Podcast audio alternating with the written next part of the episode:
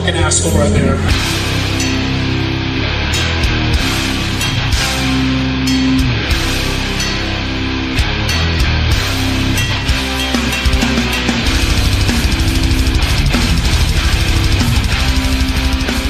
Nere på noll, episod 21 är jag äntligen tillbaka.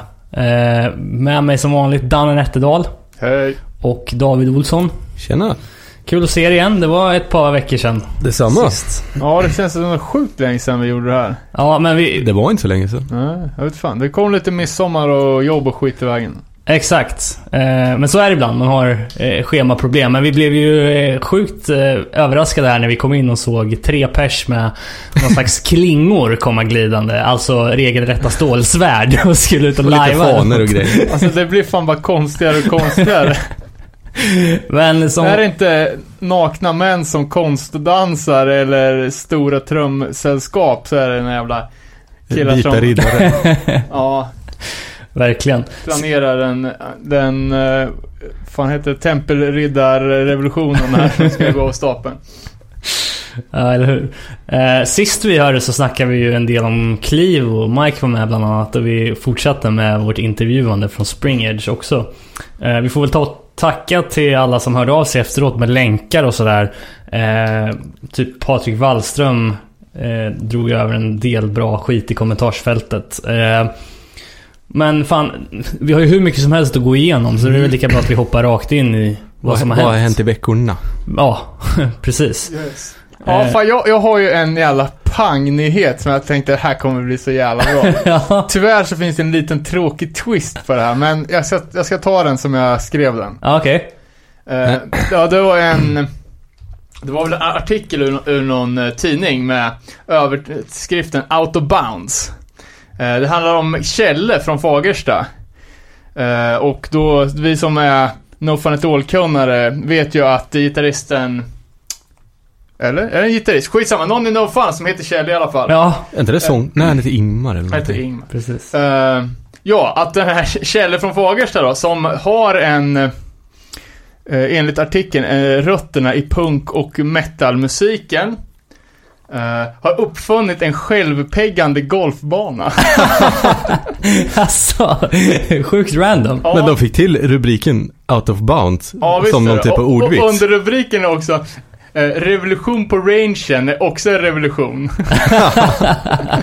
och nu ska han åka till någon så här PGA-tävling och ställa ut eh, sin jävla golfbana där för En PEG-tävling.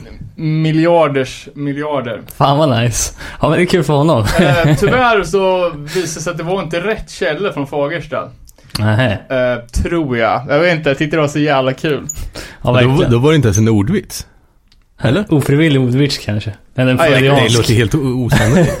Ja, jag, jag, jag vet inte. Jag ska inte säga någonting. Ja, det är väldigt kul. Vet ni något mer om det här så hör av er till oss. Eller så kan ni komma till Örebro den... Ah, Nio- Adria fallplatt. När är det? Nionde? 9 oktober. Exakt. Och fråga. Precis, för då lirar de här på Ja, just det. tidens tempo. Eh, så det finns det biljetter att köpa till. Eh, vidare då. Eh, jag har ägnat hela dagen åt att lyssna på All Out Wars nya EP, Dying of the Gods, eh, på Spotify. Eh, och jävligt stabil Vadå? release måste jag säga. Vänta nu. Finns den på Spotify också? Den finns på Spotify nu. Åh, Eh, den var ute på stream igår. Ja, Ja, det var där jag kollade. Men eh, jag, jag vägrar ju hålla på och ha en flik i webbläsaren öppet.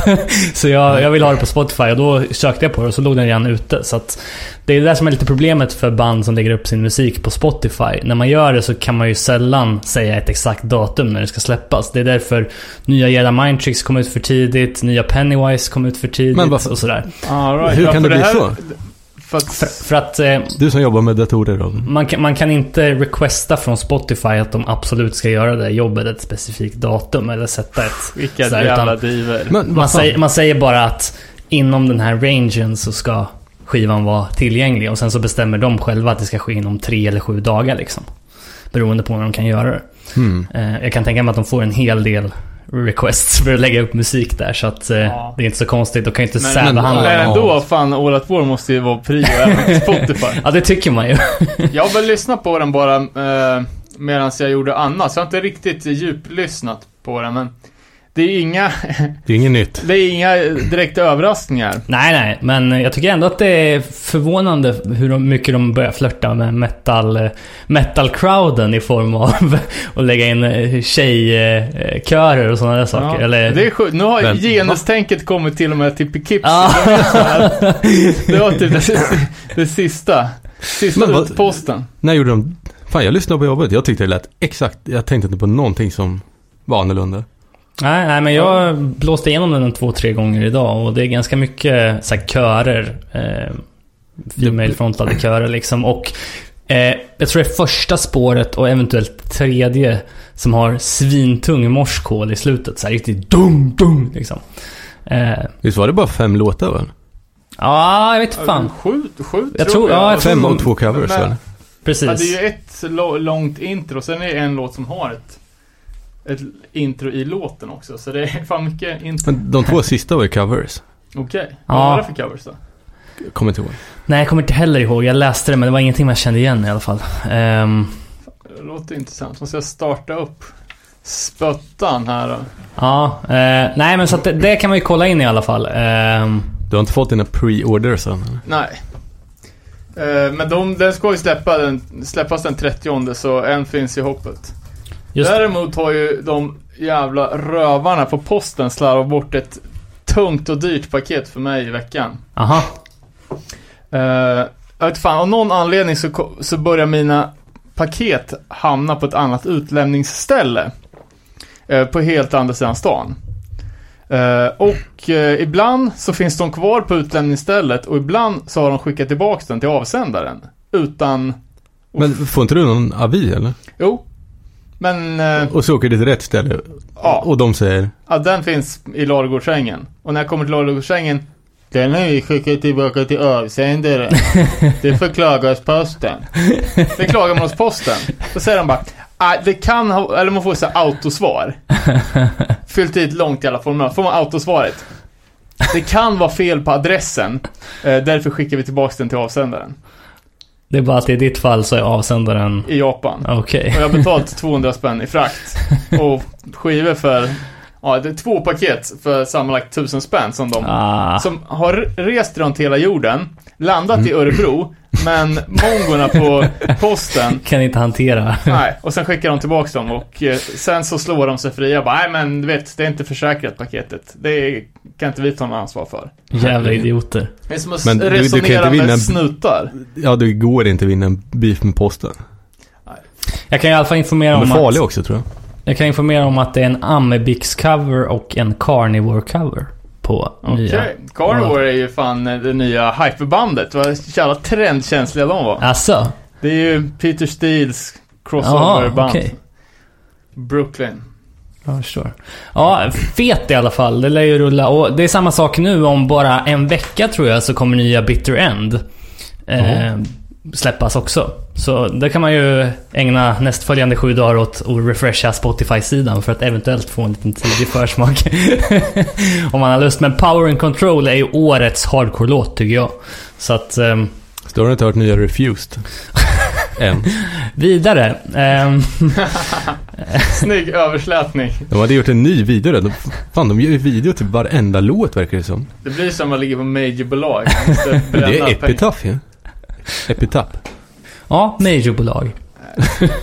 Jo men det var det, jag, jag såg det. Fick klina. De har säkert någon suspekt backning från någon jävla Wallenbergs stiftelse. Fick inte de någon jävla pris för musikexport av Wallenberg typ? Vilka då? Eh, Eller Svensk Näringsliv eller något sånt där. Refused eller? Ja. Ja, okej. Nej, var inte det... Nej, det var i Norge. De Purifying Blood nya band. Fick några oljepengar. Va? ja, vad heter de? Ja, exakt. Något typ såhär Statoil-stipendier. Nej, Jo, så jävla typ dåligt. 20 miljoner bara. Pang, in på kontot. Illa för dem när de bara åker på Östeuropa-turné och måste tanka på Statoil. Det finns typ inte där. Jag vet den klausulen för att göra att deras framtida turné går åt helvete för att det går inte att tanka. Nej, jag, jag, det var ju inte... Något sånt var det, tror jag. Right. Fan, ap- Inte 20 miljoner förmodligen. Man vet inte. Apropå det var jag eh, i, i beroendeställning till Statoil-kort. Jag var ute på, eh, jag var på någon så här festivalsväng med eh, med Burning Heart-bussen och tillhörande tankkonto. Och vi var fyra snubbar som inte hade en enda krona på kontot. och var, tvungen att eh, pejla in sista tankningen på Statoil i Danmark, klara oss till Östtyskland och tillbaka på en tank. Oh. Kla- Klarade det typ med två kilometer. Men Statoil finns väl överallt? Inte i Tyskland. Nej. Det, det gör de inte. Inte 2000 eller när det kan ha varit. Hmm. Vad jag såg i alla fall. Kanske inte gör. Ja, vidare då. Eh, jag eh, var sugen på att åka till Linköping för någon vecka sedan och se Marauder, men det sket sig ju. Det var väl igår? Eh, ja, det kanske var. Eller? Ja, precis. Ja, det var igår. Fan Just det. vilken jävla... Eller det var fast det inte var. Inställt. Jag har inte riktigt eh, fått någon förklaring till... Nej. Eh, det, jag tror att det var att arrangören fick kalla fötter rent, eh, rent ekonomiskt. Mm. Var det inte jäk... sent utannonserat också? Eh, det var ju lite sent, men vad fan, sk- ska det spela någon roll? Det Ja. var ju alltså... Jag fick höra att det var på Springert så måste jag ha varit ute en månad i alla fall. Absolut. Mm. Men det är väl bara, alltså den lärdomen har, får man ju ta som arrangör eh, någon gång i sin karriär. Att man måste se till att ha finansieringen fixad innan man tar på sig spelningar liksom. Det, det är ju bara så. Speciellt i dagens klimat när så många band vill ha betalt innan. I alla fall storband. Eh, innan själva spelningen går av stapeln liksom. Ja, Eh, jag, jag fattar inte riktigt hur, hur de har tänkt. För om, eh, om de är liksom i föreställningen att man ska kunna gå plus minus noll på förhand genom förköpsbiljetter på en hardcore-spelning. Det är ju Mm. inte realistiskt. Var det, var det ens förköp? Eh, jag skulle ju ha spelat med Dead Reprise så jag eh, kollade inte om det gick att köpa biljetter. Jo, men det var det. Mm. Eh, ja, jävla typiskt. Mm. Dead Reprise får inte så jävla mycket erbjudanden att spela. Men när vi väl får feta, feta spelningar som Kickback och Marauder, då, då ställer de in. Men det är väl open call to arms här nu då. Boka Dead Reprise. Eller Marauder? Ja, eller Kickback. Eller, Eller alla kickback. tre? ja, vilken lineup. Men ja, jag, Och jag det sista bandet på den line-upen, Crown of Thorns. Som ska släppa en ny skiva. Visste ni det? Nej? En ny sjua. Åh Åh fan. På Bridge 9, jag läste det idag. Okej, ja, Helt ny eller ingen, ingen reissue utan. Två helt nya låtar. På en EP! En sjua, sa jag inte det? Okej. Men det är ju fan lite så här eh, Bridge 9 då hakar på den här nya Baltimore-sångtrenden. Som eh, är patenterad av Lord Isaac från Crown of Thorns. Mm. Så det kan säkert bli, det blir nya Turnstyle. Ja. Jag, jag, jag läste den där. Det går varvet runt liksom. fan vad kul. Jag vill se Lord Essek göra de där movesen på scen som turnstyle-sångare. Det stod någonting om catchy refräng med sång som de aldrig har gjort förut eller något liknande. Nej. Där börjar man, vänta, vänta nu, vänta nu. Ja, hela anledningen till att Crown of Thorns låter som de låter Är för att han inte kan sjunga ordentligt. och de var tvungna att släta över det med en klassisk alla effekter på max move. Det låter ju som man sjunger i en megafon typ. Sjung genom den här. Är det sant? Ja, ja. ja det låter ju asskumt. Men bra. Men bra. Fan vad dåligt för hans självförtroende. Det, han har inget problem med självförtroendet. Det är det Tryck, alltså när han är i studion, tryck på alla knappar. Vi måste lösa det här. Ja. Här, testa att sjunga genom den här burken så får vi se om det blir bättre. Ja, fy fan vad roligt. Ja, han är inte superbra på att rappa heller faktiskt. Men ändå har han haft en... En karriär. Ja, en 25-årig karriär som frontman. På tal om det, vi snackar ju om revivals. Eh, det har ju varit... Eh, dels så spelar väl... Eh, eh, Håll det äkta en nu metal cover på Eskilstuna Alive and Well va? Har jag för mig. Ja, Eh, vad fan jag- var det? Det var någon, något som gick mig över huvudet tror jag. Ja, om det var en Li- Limp Bizkit-låt eller någonting. Jag har för mig det i alla fall. Någonting var det. Eh, Parkway Drive, som kanske inte är super hardcore, men de spelar Rage Against the Machine. Alltså, eh, och, och massa andra band. Det är lite såhär nu metal-hype. Ja, men jag tror inte att det har gått så pass lång tid nu så att det inte är pinsamt Nej, längre? exakt.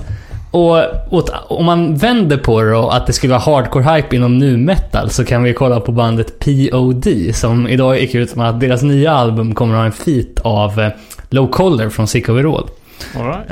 Eh, vilket kan bli spännande. Varför gör alla såna här P- grejer? ja, POD har ju inte varit relevanta sedan 95 typ när de var ute med Head P och de där andra banden från... Är det, Den är, eran. är det inte de som är kristna? Jo. Asså? Okej, det visste jag inte. Ja, de är ju superkristna. Det var inte de som gjorde någon refused cover vi la upp? Nej, det var ju Crazy Town. Men jag, jag, jag har inte lyssnat så mycket på POD förutom den där eh, We Are The Youth of Nation Anthemen. Nej, Som, är, precis. som faktiskt är jävligt bra. Men jag har bra vibbar på det. De Vänta. snubbarna faktiskt. POD-snubbar då? Ja, jag tror att de har eh, någon typ av hardcore roots faktiskt. Okej. Ja, men det Jag är... tror jag lä- läste någon, de var med i någon tatueringstidning för, för jävla länge sedan att de Ja, att de kommer från en punk tror jag. Okej. Ja, det är roligt det där att de där banden, alltså... Eh, även Guano Apes är ju ute och kör igen liksom. Och det känns som att de, om det är gamla hardcoreband som reunitar så är det gamla nu metal-band som gör samma sak liksom. Men jag trodde nästan att alla de banden fanns fortfarande. Ja, det kanske de gör. typ men, Linkin Park och så här. Ja. Eller? Jag vet inte. Jag vet bara att sångaren i, i ehm, Crazy Town, eh, de la ju ner de la ju ner Crazy Town, typ. Men var inte han med i den här jävla s- s- nykterhetsdokusåpan? Ja, reality-tv-grejen. Ja. Men han har ju reunitat nu med ett nytt band. Jag såg en, ett klipp på han när han spelade på någon stadsfestival och typ så här. De kastade så mycket ölburkar på honom så fick avbryta spelningen. Ja. och han hotade med att gå ut och spöa varenda en och så till slut fick han dra honom av scenen. Ja, ja. Eh, har, ni, har vi något mer eller? Det är ju... Ja, alltså jag har asmycket som, som var nytt eh, inför förra avsnittet som, snittet som jag glömde att säga. Ja. Eh, I korthet, uh, Bent Life från Nebraska, kanske det enda kända hardcorebandet från Nebraska, ska släppa en ny LP. De har pumpat ut två jävligt feta sjuor tidigare. Eh, sen var det ju ett nytt jävligt spännande Instagramkonto, Svensk Hardcore-kultur. Okej. Och det här är ju alltså riktigt gamla nyheter. Eh, men de lägger upp jävligt mycket, eh, ja men typ eh, gamla plattor men också massa gamla fanzines och flyers och, ja men det är riktig nostalgi och, eh, ja men ma- massa gamla sköna prylar. Men hur gammalt då? Är det... Ja men alltså, s- 90? Ja men Refused-eran. Fast ganska smalt och mycket band som man, ja men som man har haft eh, kassetten med och som man aldrig har tänkt på sen dess. Eh, så jag drog ett uh, message till dem och uh, bjöd in dem till att medverka i podden någon gång. Vilka är det då? Ja, det, det vet jag inte. Det är Stockholmsbaserat i alla fall. Jag har inte följt upp det här, men när vi snackar svenskt 90-tal i, i härnäst så, så tänkte vi skulle försöka blanda in dem. Fan vad coolt. Eh, och det hade ju önskats ett uh, specialavsnitt om Vänersborg också. Just det. Så Blir då- tyvärr inget med det. Ja, men det, är ju, det är ju kul det där för att eh, om folk har tips på personer som de vill att vi ska prata med eller som ska komma hit och vara med oss liksom. Som har bra koll på Vänersborg eller som eh, Hatpastorn, vi snackar om black metal avsnitt och så vidare. Vi har alla resurser i världen att kunna göra det så att tipsa oss gärna om det. Eh, skicka meddelandet på Facebook eller något så, så ser vi till att det blir gjort. För det är ju svinkul. Eh, Eh, Ja, fan har vi mer? Uh, Walk Proud har också annonserat annonserat ny LP. Uh, Walk Proud är ju gammalt West Coast Old School band med Vatos Locos snubbar som släppte två sjuor och en LP på slutet på 80-talet, början på 90-talet. Okej. Eh, som har kickat igång igen och ja, det ver- verkar vara ganska fräscht för att vara 25 år för sent. Eh, fick jag känsla av. Ehm, Jag, ja, Jag, fick också för mig att... Eh, jag vet inte om det är den officiella trailern, men den här Cleveland-dokumentären. Har... Eh, att det har kommit ut en officiell trailer för den nu ja, men det har det gjort. Det tror jag hade kanske har funnits länge.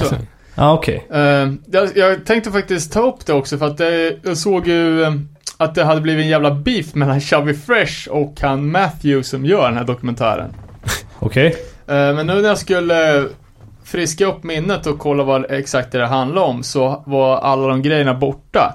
Både från eh, eh, Rust Belt Hammer bloggen och från eh, Destroy Clevelands Facebook-sida. Okej. Men det handlade någonting om att Chubby hade gått in och bara så här, ställa krav på att vissa inte skulle få vara med i dokumentären och grejer. Okej. Eh, och sen vart det bara, ja men massa pajkastning i, Ja. i, i sociala medier.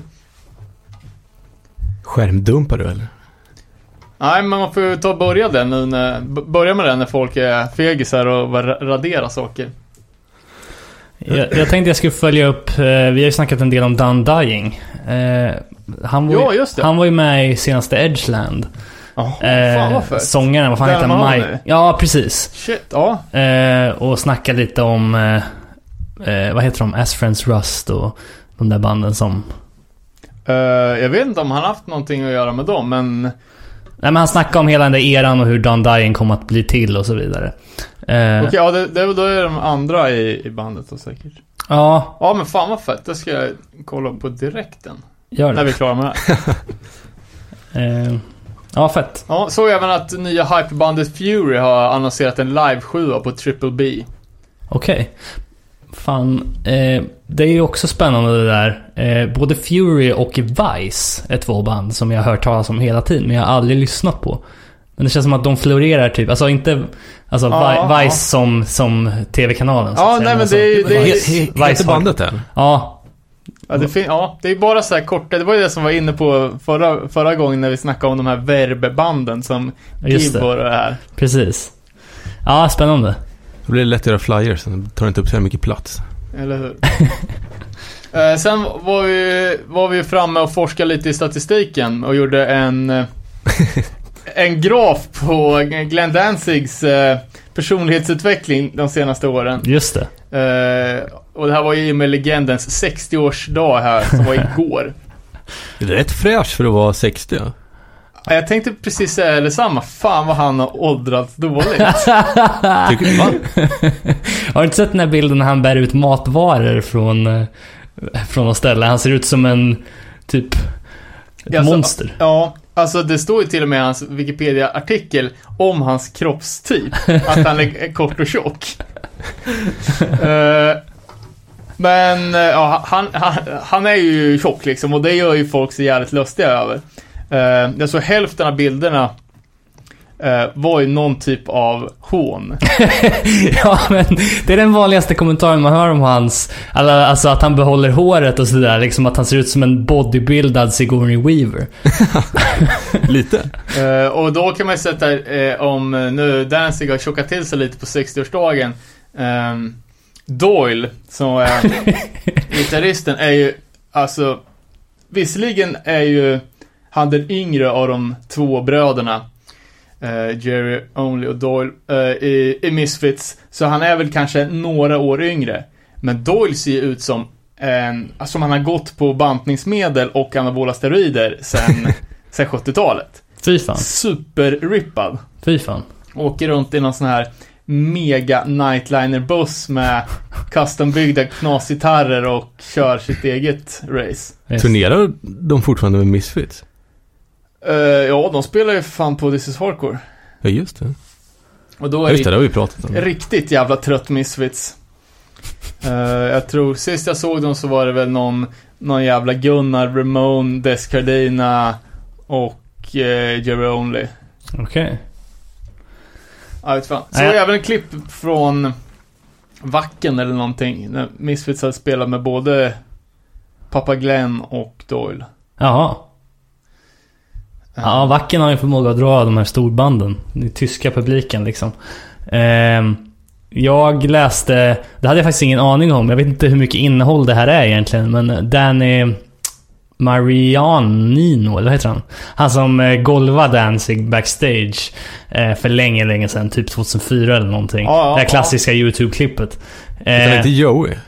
Ja, det kanske han gjorde. Det sk- skrev vi i den där Ja, det, det då, då, Danny Joey! Någonting i alla fall. Amerikansk italienarnamn, det är ju hugget som. Han har i alla fall eh, skrivit en bok nu som, som heter Don't ever punch a rockstar. eh, Ja, den, den lär man ju kolla upp, men vad fan, hur, hur mycket kan man kapitalisera på en, en jävla fight? beskrivningen av boken är Profiles a regular guy's journey in music and learning to shrug off one of the most opinionated events in music history. Hybris. Skaplig hybris, eller? Ja. Fan, Men fan, det måste ju varit det bästa för deras, någonsin för deras karriär. Ja. Den där videon lär ha mer views än... En deras video. Ja, ja. Garanterat. Ja, ja. Eh, Och Ja, deras står ju är till och med då så här- Northside Kings, band från, det är vet uh, blandning med hardcore metal-folk från, från New York med folk från Cause for Alarm och Slayer, tror jag. Gamla trummisen från Slayer och lite, just det. lite tjocka gamla New Yorkare. Det står också Prior to punching Danzig in the face, Marianino was a member of the Northside Kings and had also guested on some Soulfly albums. Um, now from the looks of his Facebook page, Marianino spends much of his time thinking about that time he punched Danzig in the face. Ja, tra- tragiskt. Jag kommer fortfarande köpa boken, men det är fan tragiskt alltså. Ska du göra det? Vill vi ha en recension? Ja, jag kan inte garantera att jag ska läsa den. Eh, sen fick jag en inbjudan till en jävla härlig, jävla härlig tillställning. Gruvpunken. det, det låter slirigt. Ja, eller hur? Det var, alltså, det var en del kul band, typ. Det var väl as... Ja men typ alla. Ah, Nej. det var det väl kanske inte, men så jag tänkte på Strebers eh, och sen Crude SS. Eh, klassiskt rensband som Mm. så tydligen har kickat igång igen. Jag såg att de har släppt en platta 2013. Men var det inte... Och sen var det väl alla, ja men så svenska punkband. Typ Coca Carola och... Jaha. 77 och... Ja, det tror jag fan inte. Jag kan ha varit lite slarvig på läsningen, men det jag fastnade för mest var ju den här beskrivningen om när de tipsar om sitt trevliga och billiga boende på festivalcampingen. Just det ordet att beskriva gruvpunkens festivalcamping som trevlig. Elsas bed and breakfast, gruvbyns vandrarhem, pensionat Kryp in och den bästa, Henkes stuga. Där vill man ju bo. Vart, vart var det någonstans? Eh, Norberg. Jag kan ju säga att line-upen är, är ju faktiskt Mimikry, Strebers, Karta 77, ehm, Scumbag Millionaire. Bra bandnamn. Ehm, Bagarmossen, Slaktkniv, Lastkaj 14, Rövsvett. Ja, och så vidare. Crude, SS och ja. Och när går det här då? Den 7-9 augusti. Och Det eh, blir tre dagars godnattmössa bara. där trycker jag in en bokning åt dig David på Henkes stuga. Yes. Eh, men jag tror det är ganska coola lokaler. Jag för mig att de har, det är där i någon sorts jävla nedlagd gruva i Norberg. De har någon så här jävligt stor, typ kan det vara rave-festival eller någonting i jävligt balla lokaler. Åh fan. Så det skulle väl vara för det då och sen få kolla Crude SS och Strebers och vara den enda utan skinnjacka hela publiken. Får lite augustibulle-vibbar nästan va? Ja, fast ännu sunkigare. Ja, exakt. Eh, Fan, vi vart ju inbjudna med mitt gamla band Angry Youth och spela på, fan heter det då? Ah, shit. Ah, jag kommer inte ihåg vad det hette, men någon jävla sliten festival på Öland. Åh fan. Eh, vad fan. Ja, det är helt värdelöst när jag inte kommer ihåg vad det hette, men det var någon så jävla trött namn. Och så på typ, så, så på eh, inbjudan så vi typ betalar inga gager, men det finns hur mycket gratis fiskvin som helst. Oh, fiskvin. Kör de fortfarande den där punkfestivalen utanför Stockholm som är... Eh, som det brukar vara camping och grejer på. Som det är så jävla mycket folk som åker på. Det var någon punkfestival nyss. Som hette typ... PSK. Uh, typ Punk 44 eller något sånt. Jaha, ja, okej. det. Ja, det var, ja, jag vet inte fan. Ja, han är för dåligt insatt. Ja, Ja, verkligen. Yes. Eh, ja ska vi kicka oss in i dagens ämne som, som angränsar ganska kraftigt till gruvpunken. ja, framförallt så kom det väl på tal med tanke på att man chockades av att se att Rövsvett släpper en split med Poison ID. Och man undrar, vad i helvete? Men... Då har de ju lyckats. ja, Och Poison ID misslyckats. Men Jag, jag lovar att Poison ID, de är ju, de är ju sanna punks liksom. Jag tror att de diggar Rövsvett tillbaks alltså. Möjligt. Jo, men för, förmodligen. Jag tror, ass jag tror inte de skulle släppa, en, släppa en split med, ehm, med dem annars. Ehm, Kanske fick betalt. men vi ska snacka om trallpunk slash bajspunk. Könsrock. Ja, könsrock helt enkelt. Ja, eh, det var, ju, det var ju du Robin som hade tre favoritteman och lät, eh, lät våra lyssnare ha en liten omröstning här vad, eh, vad vi skulle kicka det här, ja men lite av ett specialavsnitt om. Ja, exakt. Och i och med att eh, man har ju vissa perioder. På hösten brukar man ju sitta och lyssna på black metal. Eh, när det blir tidigt nytt år så brukar alla bra hiphop-plattor komma ut. Och när våren stundar så ja, ganska ofta hamnar man i trallpunksträsket. Jag tänkte på det innan vi spelade in, att när det är sommar lyssnar man mycket mindre på hardcore. Eller jag gör det. Ja men det är mycket punk. Ja, eller hur? Nej, det är mycket, det är typ Hoffmaestro, Skak. Vi har tagit fram hatten, har kommit fram. Kas, kasta. Linnebyxorna. nej, det, nej, men det, det blir ju lite mindre och mer punk. Ja, jo men absolut. Så Ja, är det bara, bara för att uh, varna känsliga lyssnare här nu att det där med Hoffmeister var ett skämt. Det är svårt att läsa över radio men jag vill inte ha det på mitt samvete. Nej. Eh, men, vi, vi tar en kort... Och det, ja, men det var ju folk som, som peppade alla de förslagna grejerna. Black metal, eh, hiphop och eh, trallpunk, könsrock. Eh, så vi kommer väl förr eller senare kicka alla de tre grejerna vad det lider. Absolut. Det här var ju det som jag tror att vi har lättast att lyfta upp själva. Eh, de andra så skulle vi nog vilja lyfta in någon legend med lite mer... Det blir kul ju att Stories. vi sitter och pratar om något vi inte vet någonting om. Ja, det är också sant. Jo, för- Förvisso, men om vi ska prata black metal då kommer det ju vara... Ja, eh, ja, men då har vi tid och eh, kanske gräva i någon vinylback eller... Absolut. Eh, men fan, vi tar en liten break och sen så går vi in på trallpunken och bajspunken. Ska vi gå på toa eller? ja.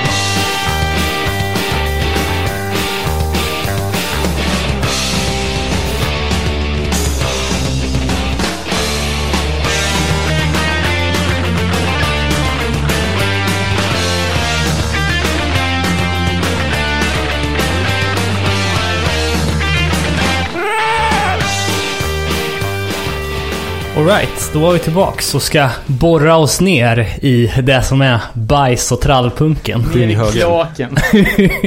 Precis. Förhoppningsvis inte ända ner till tunnan och moroten, men halvvägs kanske. Eh, ni som fattar, ni fattar. eh, först då, Danne, du eh, hade eh, en bra introduktion till det här ämnet. Ja, bra bra vet jag inte men... Eh, eh, jag hade väl... Alltså det, det första man tänker på eh, när man... När man snackar trallpunk är ju att det är ju en genuint svensk företeelse. Eh, alltså Sverige har ju alltid varit ett bra punkland. Eh, och det har vi väl att tacka våran eh, socialdemokratiska regering som, som eh, som såg till att eh, det fanns musikskolor där man kunde lära sig spela instrument och fritidsgårdar och replokaler och skit. Eh, men, ehm, ja, alltid ett stort eh, punkland. Till, typ, alltså ända från början med, ja men de svenska D-taxbanden och Gbg-punker som är liksom, ja, världskända. Klassiska.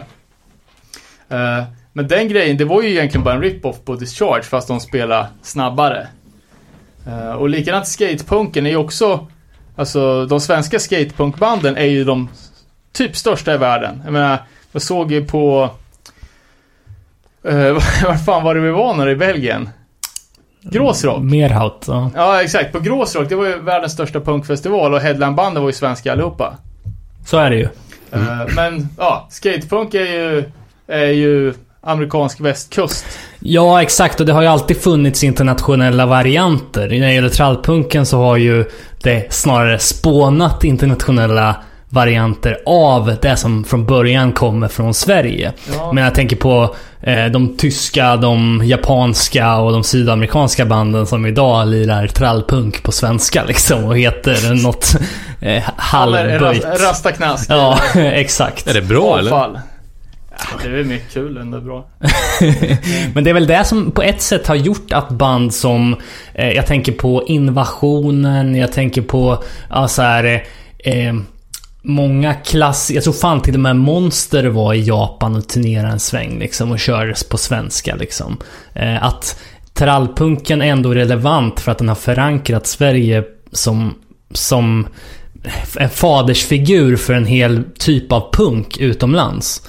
Eh, och det har också gjort att många band har kommit iväg och kunnat köra baserat på den, den grejen liksom, tror jag. Ehm, eh, ja. uh, och vi, vi snackade lite om alltså som med alla subgenrer så att det är ju ett jävla en gråzon. Och att vi ska försöka i det här avsnittet inte prata så mycket om eh, Ja, inte vet jag. Om Strebers och Karta 77 och Asta Kask och de här. Eh, utan spara det till eh, ett mer alltså klassisk svensk, Svensk punk. punk-avsnitt. Eh, utan peta lite mer i Ja, inte vet jag. Charles Hårfager och Räsebajs och de här lite mer, alltså som är mer eh, generisk trallpunk. Jag måste säga att eh, det som fick in mig på, på trallpunken, det var ju just det här kontrasten mellan överlag rätt bra musicerande, tycker jag.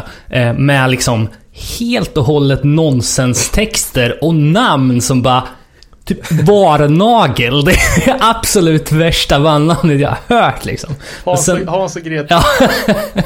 men, men sen lyssnar man på vin och starka drycker med just Hans och Greta och så blir man ju ändå lite kär i det. Liksom. Ja men alltså det är väl an, jag tycker det är antingen eller. Antingen är det ju politiska låtar. Eh, eller rent trams. Ja, jag ja, skulle ja. nästan säga att det är 50-50.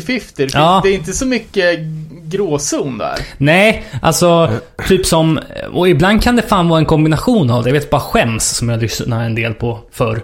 Eh, som är mer åt eh, bajspunkhållet men ligger någon slags eh, gränsland där. Men det är ju både politik och man sjunger om alkoholister. Så att, Men inte i samma låtar. jo. Till och med det.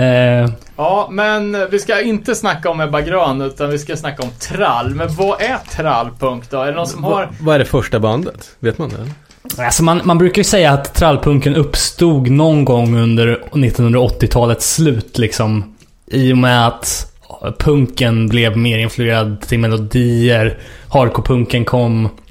Ja. eh, och så här. Men eh, Ja, alltså när man, man läser så är, är väl eh, de flesta ganska överens om att Strebers är, är själva grundarna av hela den, den stuket. Och eh, Men är det någon typ av influens av svensk folkmusik, typ? jo, men det, det är det ju absolut. Eh, Strebers har Såna ju... kaninöron funkar inte riktigt i poddar har jag märkt nu. Vad sa du? Kaninöron? Eh, nej men alltså Strebers började som ett mer, ja men de hade väl lite discharge-tugg på de första grejerna. Eh, och sen så så hade de sin cowboy-period och släppte tre sjuor under namnet Six Guns.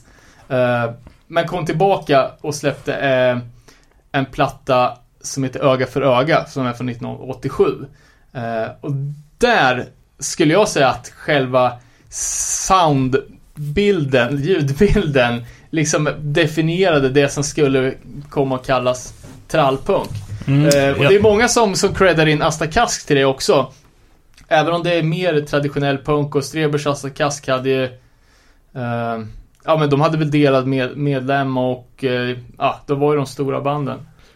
Jag skulle nog vilja säga att det börjar ännu tidigare med Göteborgsbandet Attentat. Alltså Oh, de... Men de är ju fan äldst. De måste ju vara från 70-talet. eller? Ja, ja, alltså deras eh, första låt, Ge fan i mig, den kom ju ut redan 1979 och... ehm, det var ju mer åt punk liksom där. Ja men det är ju, det är ju som eh, att eh, eh, soundet kan ju finnas även om termen inte är satt. Typ som att eh, Black Flag spelar hardcore 78 men ordet kommer inte förrän 81. Absolut. Eh, Men det, det är i alla fall eh, ett sånt band som man lätt kan glömma bort när man börjar prata om Strebers och DLK och... ja, Karta, ja absolut. liksom. Alltså de banden, det är ju andra generation, inte tredje generationens svensk punk.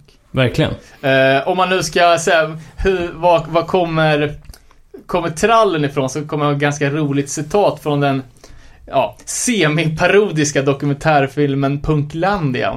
den. Hört talas om det, men Jag tror den har gått på SVT. Eh, ja, det kan ni ju kolla upp. Punklandia. Uh, ja, lite skön dokumentär. Men där är det någon som snackar om trallkäng som exploited.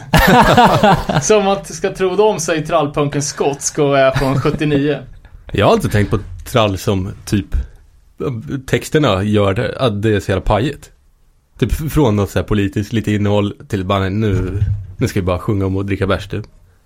Mm. Ja, jo, ja men inte bara, inte bara Och- och- supa, och det blev en grej, Utan liksom. också liksom, eh, ja men fina flickor fiser inte. Liksom så total, ja men toaletthumor liksom. Ja, exakt.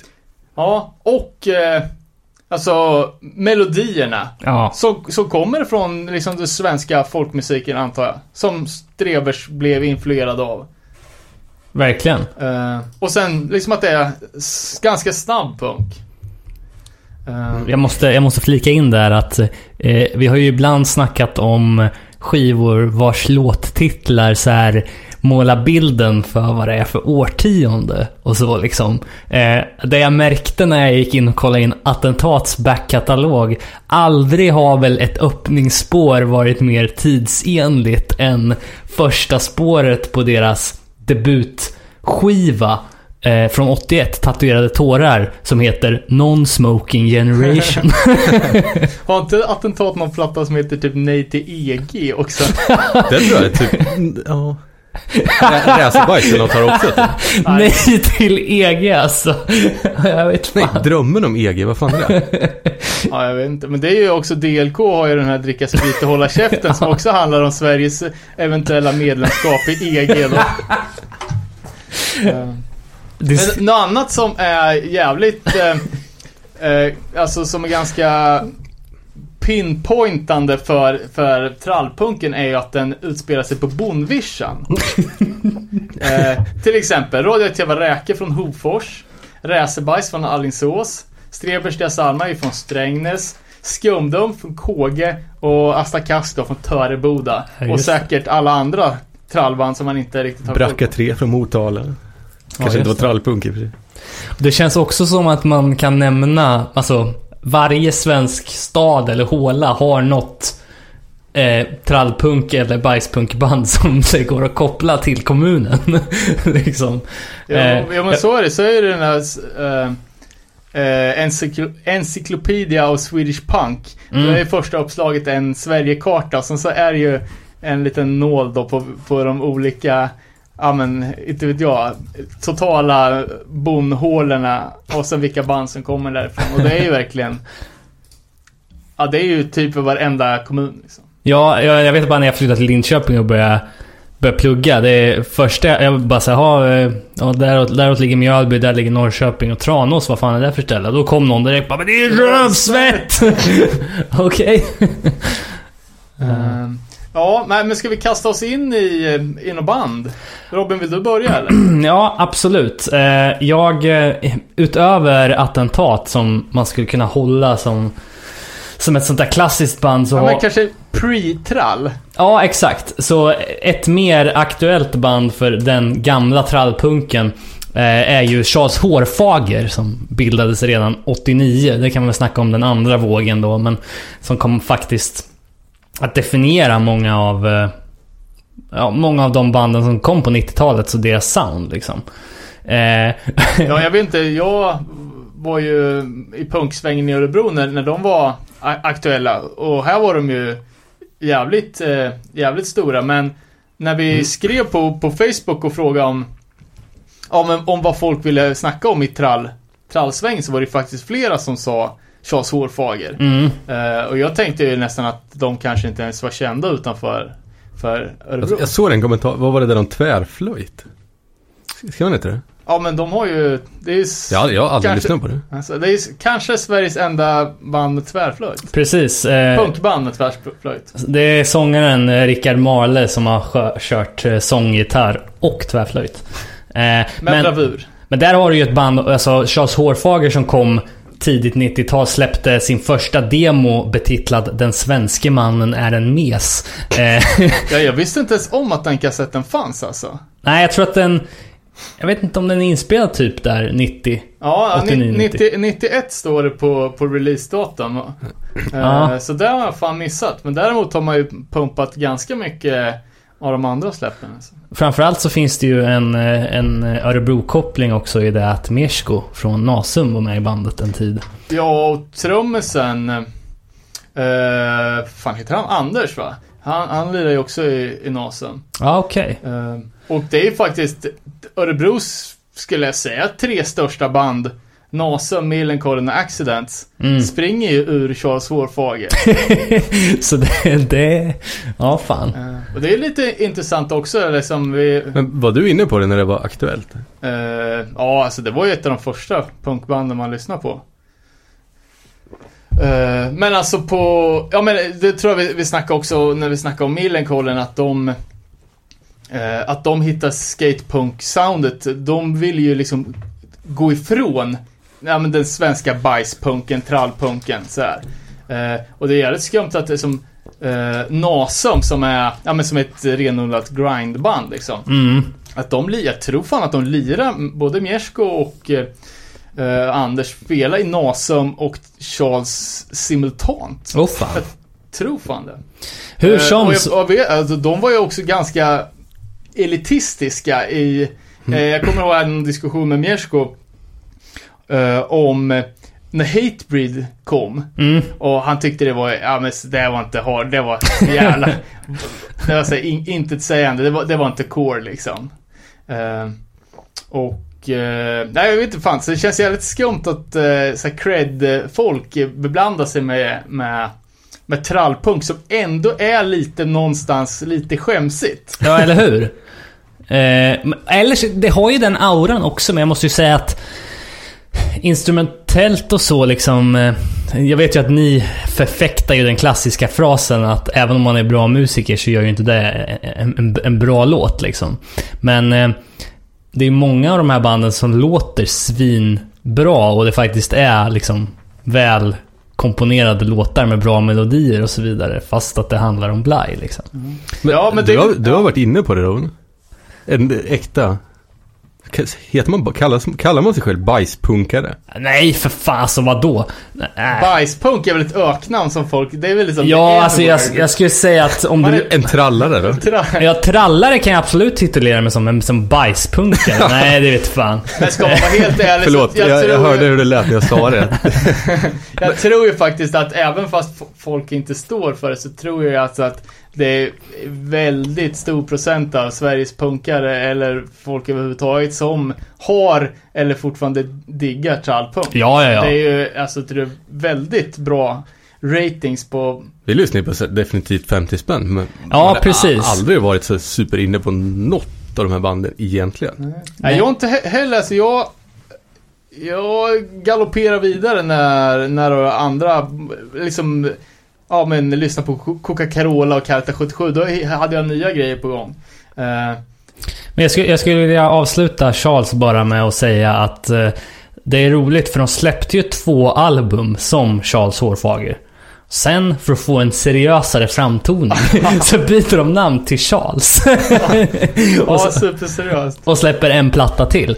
Och det är då samma året som de redan har släppt en platta som Charles Hårfager. Right. Är det någon annan typ av musik då? Eh, nej, alltså... Eh, jag tror bara... Det har varit lite sämre bara. Ja, precis. Jag tycker ju alltså... Lite mer seriöst. Så. Efter, efter demon så släppte de ju en sjua i Svält och nöd va? Mm, precis. Eh, som eh, är helt okej, men uppföljaren till den, Korpen faller, skulle jag nästan klassa in som ja, det- en av de bästa trallpunk-skivorna. Eh, titelspåret är helt fantastiskt och eh, ja, det finns många bra, till exempel deras största hitlåt, tror jag, eh, som heter Jag kommer aldrig. eh, Just det. Finns det på Spotify? eller? Ja, det måste det Jo, men det gör det. Det finns. ehm, Och jag såg även på... Det är inte Burning Heart som har släppt det. Det är eh, Birdnest. Nej, de li- ligger ju på Camel Records. Jag tror att de var... Och det är ju ett underbolag till, till Birdnest. men... Eh, Och eh, jag, t- jag, jag tror att... Eller det var väl... Charles Hårfager var väl Camel Records flaggskepp. ja, precis. Men de var väl... Eh, det känns som att den här Knaper och Fly skivan Ja. som de släppte sen. Är det möjligtvis så att det är samma person som har gjort artworken till den som har gjort Millencolins Disney Time? Eller förlåt. Vad heter den? Tiny Tunes? Ja, det är väl... Det är Erik som har gjort Okej. alla Millen-omslag. Plus då de två första Charles Hårfager-omslagen. Det är Okej. Ganska lätt att, lätt att se. Ja, Ganska lätt att se att den skivan som heter Charles eh, inte är den samma person, för den är riktigt full. Det fanns ju något annat band som spånade där också ur det här som heter Krigshot va? Ja, precis. Det är ju också Örebro, Örebro-folk. Det är väl eh, trummisen i Millencolin bland annat. Okej. Och... Eh, jag vet inte, jag, kom, jag kommer inte ihåg. Det är, Det är hundra år sedan. eh, Lät krustigt.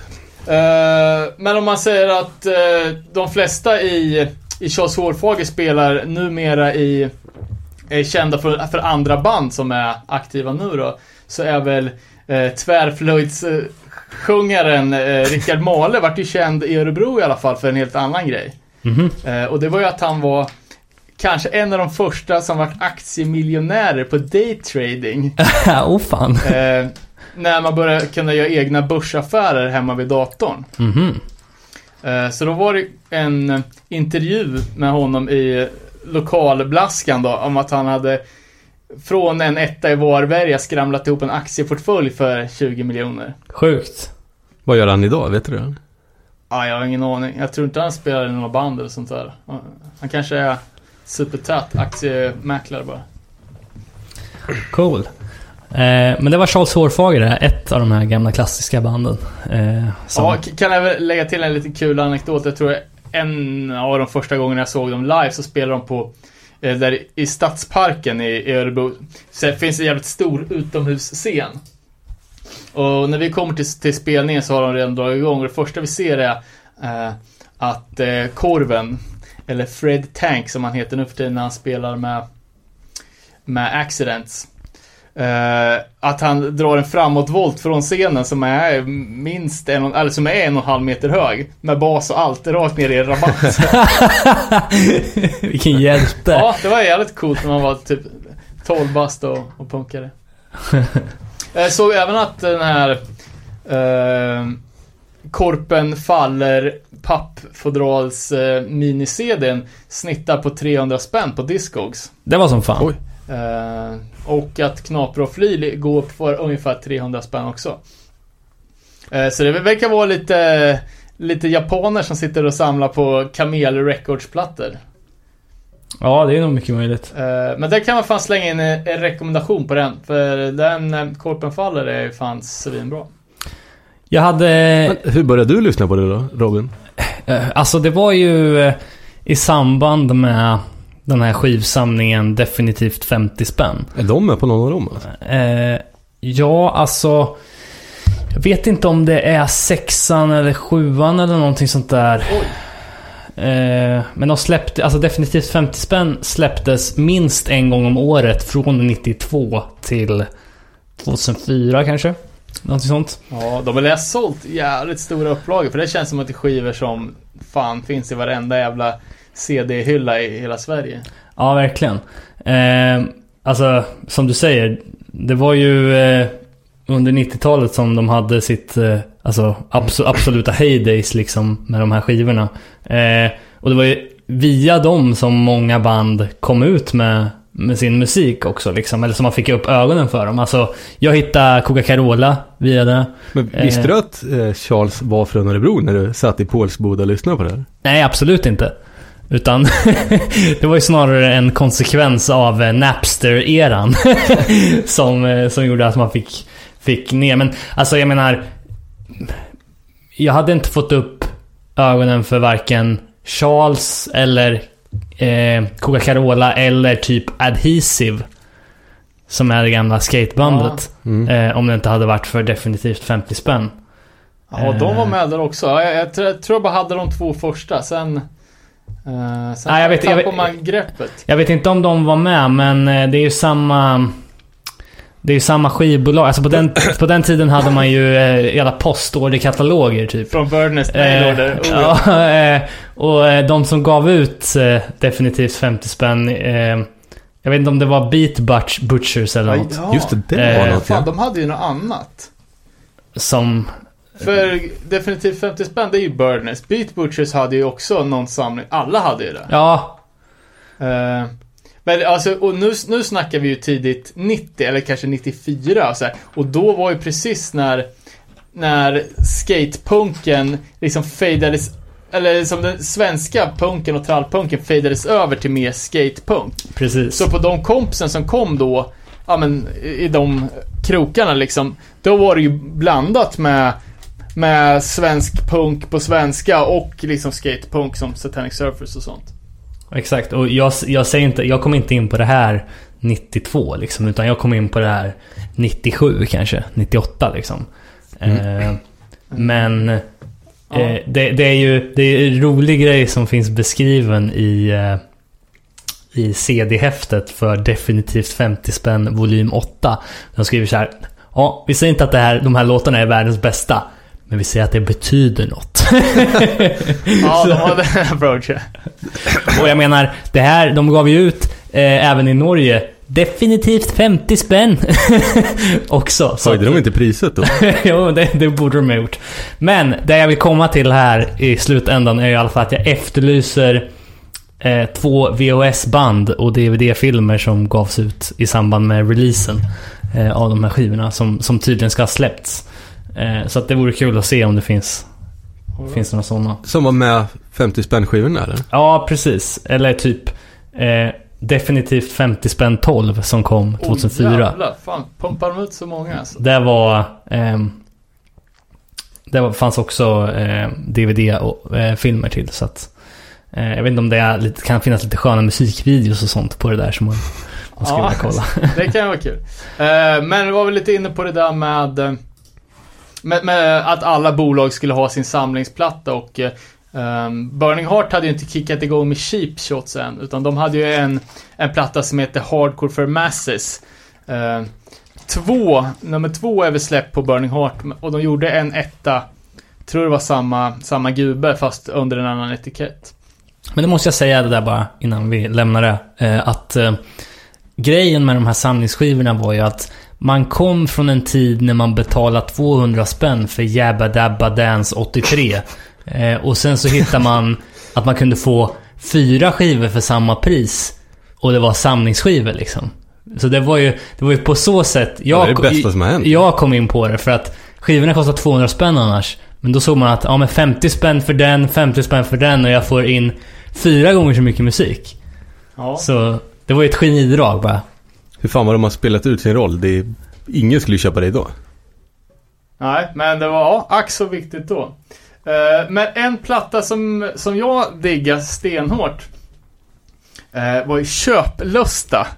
Eh, och det här är från skivbolaget Bröl i Norrköping. Jag, jag vet inte riktigt hur jag kom att fastna för den här. Fan, de borde göra en dokumentär om det här. Leta upp de här och Ja, jag se vad, de, vad som har hänt liksom. Eh, Det är nästa, vad, vad hände sen på Aftonbladet? Eh, eller hur? Jag, jag tror att köprösta från, från Bröl Records är kanske den definitivt mindre känd än definitivt 50 spänn. Eh, och mindre känd än Cheap Shots och Beat Butcher-samlingen. Men den är så jävla bra. Eh, ja, det blandar med skatepunk och, och svensk punk. Eh, och de låtarna som jag kommer ihåg än idag är ju Martin och Afrikanerna. Har två jävligt bra låtar. En som heter Heja Gunde. Och en som heter Kungen är tuff. Eh, som är ganska plojiga, men roliga. Eh, men däremot har ju bandet AB Rävskabb en låt som heter Gatans barn som faktiskt är jävligt bra. Åh fan. Eh, och jag tänkte faktiskt att jag skulle ta och spela upp den. ja, är för fan. Vi, vi, vi trycker igång den här.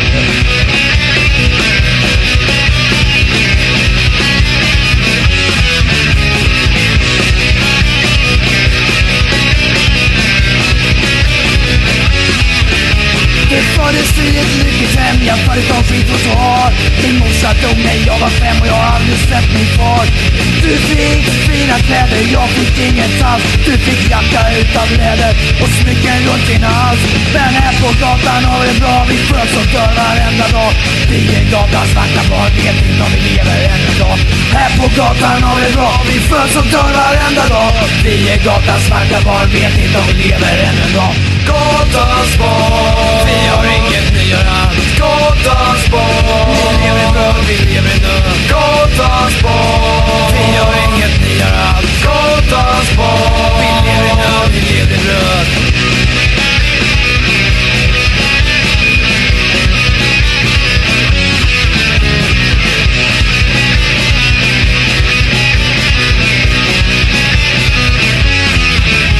Du gick i skolan är sånt som jag aldrig ens har drömt Att läsa och räkna och fick utbildning och sånt. Jag fick stjäla för min föda, jag fick kämpa för mitt liv. Var ett överklassyngel som fördömde mina liv Men här på gatan har vi det bra, vi föds och dör varenda dag. Vi är gatans vackra barn, vet inte om vi lever ännu en dag. Här på gatan har vi det bra, vi föds och dör varenda dag. Vi är gatans vackra barn, vet inte om vi lever ännu en dag. Gatans barn. Vi har inget, ni gör alls Gatans barn Ni lever i nöd, vi lever i nöd. Gatans barn Vi har inget, ni gör allt. Gatans barn Ni lever i nöd, vi lever i nöd.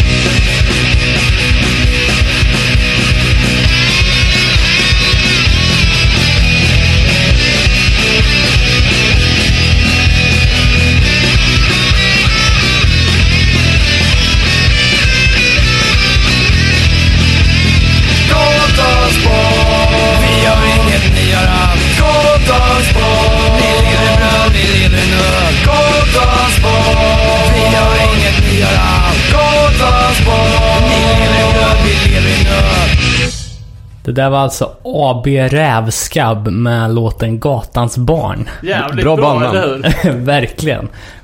Vi spekulerade lite Bättre i... än förväntat. Ja, spekulerade lite i vart de var ifrån. Men det hördes ganska tydligt att de var från Stockholm. Eh, ja, jag vet ingenting om det här bandet. Jag kan inte se att de har släppt några faktiska saker förutom samlingslåtar, eller låtar på samlingsskivor. Nej, men det var det jag tänkte komma till innan vi börjar med hela det här segmentet. Att man, man steppar ju lite som på lava mellan de här banden. För jag kommer ihåg när ni lurade mig om att sångaren i Liberator var Sverigedemokrat. de här vet man ju ingenting om. Plus att Förutom att de är gatbarn. när vi, ja, när vi sen kommer komma in på Röja-skivan och så vidare. Vissa av de banden är ju sjukt suspekta liksom i texten. Jag tänker på Arabens anus och så vidare. Men, Va? men eh, ja. Vi, Du får lägga in en brasklapp. Super- Eller jag kan ingenting om det. Nej, superdisclaimer att om vi sitter och garvar åt någonting så, så är det helt åt helvete. Så upplys oss om det då i så fall. Det här, det här kan jag backa alla dagar i veckan. Det tycker jag är så jävla bra låt. Men det finns ju ett, alltså, det låter lite som nazipunk. Men, Mm, eller hur? Jag tänkte också, Det är no- kommer det där från trallpunk eller? Ja men det är väl klart. Eller ja, Ja, lika mycket som eh, den svenska trallpunken influerade skatepunken så har den nog influerat högerarmsviftande punken. Men det tycker jag är bra, bra exempel. Det är såhär, plojigt namn, AB Rävskabb. Eh, bra tempo, bra melodier och sen då eh, en, ja men en jävligt politisk låt liksom. Men som skulle kunna följas upp med någon, eh, Dricka bärs, dricka bärs. Ja, eller hur? Eller ja, precis. Eh, där man skulle vilja göra någon gång Alltså under, under förarbetet inför man, man, man kollar upp alla de här banden. Det är återigen då att det kommer in minst två i varje band som har smeknamn som makes no sense. Nästa band som jag vill prata om är ju Coca-Carola och där har vi ju Curry. på, på, ja, men han heter ju Kurre Sandgren liksom. Men jag tänker på gitarristen Ostron Åkerholm. alltså vad va? Jag säger, det är den här fantastiska tiden när alla hade så här bra punknamn. Ja, Ostron. men hur som så... Coca-Carola, det är ju också lite så här förgrundsfigurer för, för trallpunken tycker jag i alla fall. Alltså, ja. Ja, ja men absolut. De, och de har funnits jävligt länge va? de bildades faktiskt för 29 år sedan. Oj Eh, jävlar. 1986 i Åkersberga och... Eh, Jag ser fram emot 30 års eh, världsturnén. ja, alltså... Men, spelar de fortfarande? Ja, ja, alltså... På de, riktigt? de, ja, ja, de har, eh, de har återförenats nu ett par år i rad för lite one-off-gig. Men det hela började med att de 1988 spelade in eh, en LP tillsammans med bandet 23 till. kallad Anabola Melodier. Ja, det är fyndigt. Ja, verkligen. Eh, och eh, de, de, de tuggar på. Eh, och de har ju ett av de få banden, svenska banden som har haft genomslag internationellt. Eh, det är någonting man märker direkt när man söker på dem, att de har en, en engelsk Wikipedia-sida. Men de har även... Coca-Cola is Ja, a Swedish man. alla de här band, ja, k- kanske inte AB Rävskabb, men jag kan säga alla band på definitivt 50 spänn är ju världskända. Ja, det är så pass Ja, alltså. det, det ska jag kunna sätta någonting på. Fan, jag tror det jag kan ha så jävla fel här. Att jag såg Coca-Cola och Section 8 i Mjölby. Ja, det är inte helt Nej. omöjligt alltså. Det Det var känns... ju jag- alltid sådana där crossover-spelningar. Men eh, de är ju ganska ensamma i genren med att ha faktiskt gett ut en skiva på engelska. Eh, eller i alla fall en singel tror jag, i början av 90-talet där. Jag tror att Karate 77 har gjort det också. Ja, okej. Karate 77, de har ju fan gjort allting. De har ju gjort, vad det? En- Musikal, eh, biofilm, ja, you name it. Ja, just det. Eh, men eh, ja, Coca-Cola i alla fall jävligt... Eh, jävligt aktivt band från 86 till 2004 typ. Och sen... Eh, Men vad fan, är inte Coca-Cola som, det är också på någon sån här definitivt 50 spänn när de kör en, eh, vad fan, eh, vad fan heter den där De kör cover på Sambo, Ron Bonner, Liten Piper utan gata. Åh fan, den har inte jag hört. Jag har bara hört någon jävla låt om... Alltså de har gjort sjukt många Djurgårds... Evert Taube är det väl? Ja, det är någon av de där. Ah, okej. Vad gjorde inte de? Det som var någon radio... Nej, kanske inte var Evert Taube. Det som var så jävla mycket på radio ett tag. St- Strövtåg någonting. Ja, ja men precis, det är det. Det är också Evert Taube.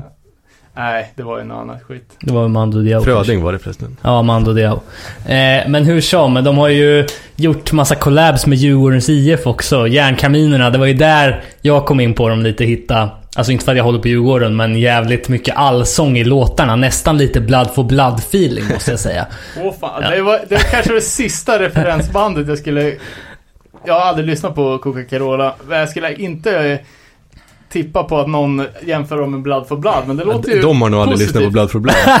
Nej men det är ganska mycket stök liksom och mycket så här eh, supporter-feeling i låtarna liksom. Gör Ja, jag det, tänkte att det var det, du vet, det tröttaste jävla gubb... Alltså, alltså så att det blir så mycket punkrock så att det nästan bara blir trött Mikael Rickfors-rock. Jaha. Nej. Alltså i och för sig, man kom in i det här med samma glasögon på sig som man hade i mitten av 90-talet när man var som, eller i slutet av 90-talet för mig, när man var som mest inne på dem. Så att det är möjligt att det har ändå gått 15 år sedan dess. Mycket kan ju ha hänt, men...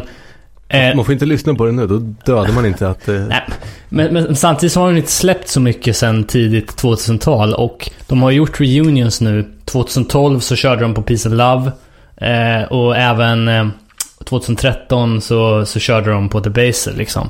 Eh, och det känns som att gör man en sån reunion med ett band som inte har varit aktivt sen tidigt 2000-tal så är det klassiska bangers man ska lira liksom. Eh, Jag hade nog gått sett om det var i stan. Om man fick komma in gratis. ja, och då... Och då hade jag velat stå där och bara, kom igen, spela dem, en, av, en av de låtarna jag kan. Men eh, jag måste säga att eh, återigen tidsandan när de 96 släpper plattan Fem år till moped. det är en fantastisk titel. Eh, ja. Men eh, Coca Carola i alla fall. Eh, klassiskt då, i, i och med att man var inne på de här definitivt 50 spänn röja-skivan och så. Eh, Äggröran 1 var Coca-Cola med på. Right. Men äggröran, den är, har väl funnits jävligt länge. Det är ju väl Egg Records and Tapes, eh, vad heter det, Ja, precis. Ro- Roaster-samling där. Och den har jag fan för mig att, den är, att de börjar pumpa ut sådana där typ, alltså det är riktigt tidigt 80. Ja, ja, eh, det, det, det tror jag garanterat. Ehm, jag, jag vet ju att det är ju här vi kommer till det här som vi snackade om att eh, när man är inne på vissa band så kommer man automatiskt in på andra band. Eh, jag ser ju här att eh, Vrävarna till exempel var med på samma platta.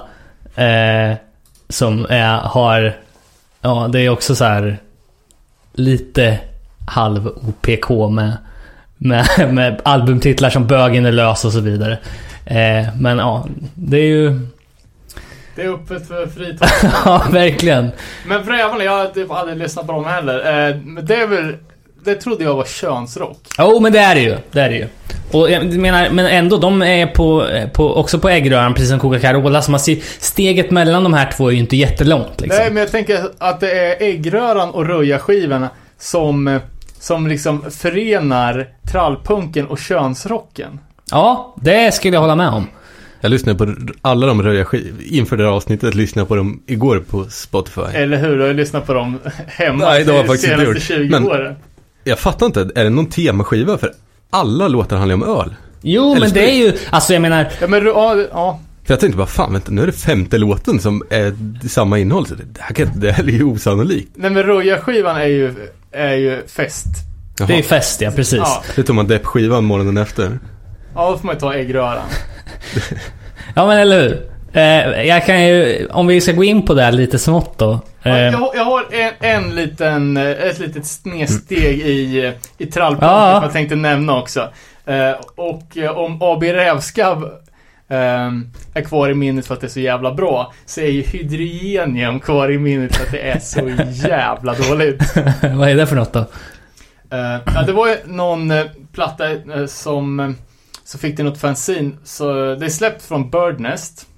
Eh, och det är ju eh, sången i Cat 77s bolag som kanske alla vet. Eh, och det är en miniserie som heter Club Albanao. Som är en temaplatta som utspelar sig på den fiktiva charterorten Costa del Knull. Ja, Ja, det är höll på att bryta ihop när jag hittade en CD i din bil. Vad fan är det här? Eh, och det här är alltså någonting, det är så jävla dåligt så att det blir kul. Eh, och det har varit alltså stående skämt i många, jävligt många år att drar man på en roadtrip så kan man smyga med den där jävla Costa del Knull och bara slänga in. Var inte Costa del Knull eh, de Spanien? Vad heter det? Dit? Costa del Sol. Nej, men du vet, det, det Stig Helmer är. Vad fan heter det? Jag vet inte. Ja, skitsamma. Ja, jag- men jag- Kanarieöarna, Jag, typ. jag, jag bangar på geografin där, men alltså det är bedrövligt dåligt roligt. Ja, det är så. Eh, men sen eh, en gång så, så, fick jag nog och bara veva ner fönstret och sutta ut den så jag har aldrig hört den mer. Men... eh, Var ja, det, var det idag eller? För han hittade ju den i din bil häromdagen ja, nej, det, Nej, var, det var länge det sedan. var länge Ja. sedan. Den, den har jag spexspelat i många år, men nu har den fan gått sitt sista varv. vågar du kolla Discogs vad den går för? Ehm, ja, jag vet fan, jag har inget internet, men eh, till exempel den här köplösta samlingen ja, har ju aldrig sålt för mindre än 380 spänn. Vad hette den där skivan då sa du? Eh, den heter Club Albanao. Hydrogenium, jag tror kan vara från Köping. Okej. Eh, de har släppt en platta till innan vet jag som jag, som jag inte hört, men jag kan ti- tippa på att den också är asdålig. Precis, 96. Eh, Hittade du den på ja, jag hittade den. Men jag kan inte se något pris tyvärr. Det ser inte ut som att den har sålts någon gång. Eh, Nej, jag hoppas inte det. Ja, ja. Ja, ja. Uh, fuck it, vi, vi kan väl uh, klafsa vidare i träsket då och börja snacka lite könsrock och bajspunk och såna här härliga grejer. Ja, men precis. Det var där... Ja. Jag, jag vill ju lyfta fram då, liksom hur, hur halkar man in där? Jo, eh, No Fun at All eh, är ju... eh, Det här ska bli spännande. eh, är ju faktiskt med på en av Röja-skivorna. Eh, med sin cover av låten Alcohol. Jaha. Eh, Gang Green cover. Ja, precis. Eh, men det är på eh, Röja-skivan 3, Sista grisfyllan. Eh, jag skulle snarare hellre vilja eh, rekommendera Röja-skivan 2, Andra spyan. För Vad heter fyran? Sista grisfyllan tror jag. Femman? Jag vet inte om det finns någon sån. Men jag tror bara det blev... Det är bara en sista grisfylla. Ja, precis. Men på, på, det var tvåan jag började på i alla fall. Eh, och det var där jag hittade klassiker som eh, Skäms, eh, Kristet utseende, eh, Total-Egon, eh, Den onde, den gode, den tredje, eh, Mid, Hans och Greta och inte minst Rövsvett som kanske har en av sina kla- mest klassiska låtar, Nu är det fest. som är med Ja, vi... Var det den du drog textraden Precis, ifrån? supa med full, ramla omkull. Eh, eh, nej, supa med full, ramla omkull. Vilken merit, mera sprit. Eh, så det är väldigt fokat på just intoxinering. Men jag vet inte om... Vilken var den där årets största helg? Eller vad det var? Nu, ja men det är ju den. Nu är det årets fest, jag jobbar som mest på att bli full. Eh, och så vidare. Det är ju super... Um, superpajigt såklart, men eh, ändå lite av um, punkhistoria, skulle Ja. jag säga. Eh, och du, du nämnde you're total, at. total Egon som är på den. Det är ju eh, Mart från De Lyckliga Kompisarnas soloprojekt. Ah. Han turnerade med, jag har för mig att han hade en liten trummaskin med sig och körde Körde en enmansföreställning runt om på fritidsgårdarna i Sverige. Ja, jag tror att de här skivorna är ju... eh, Är ju en av få som fortfarande går åt, tror jag. Alltså jag vet ju att både Ginsa och CD-ON och Mediamarkt stockar de här i sina CD-backar liksom. Eh, Mediamarkt? Ja, eh, Jag kan tänka mig att Ginsa gör det. Ja, det känns känns- superbonnigt. Ja, super Ginsa-kompatibelt. Ja, ja. men det är väl... Jag tänkte säga att det är bättre än mycket annat, men jag vet inte. Nej men eh, alltså... Men man får i alla fall credda Egg Tapes and Records som ett ganska gediget bolag. För de har fan... Eh, deras första släpp var ju alla på kassett och det är ju bara... Eh, ja men så riktigt legendariska svenska... Ja men tidiga Göteborgs punkband.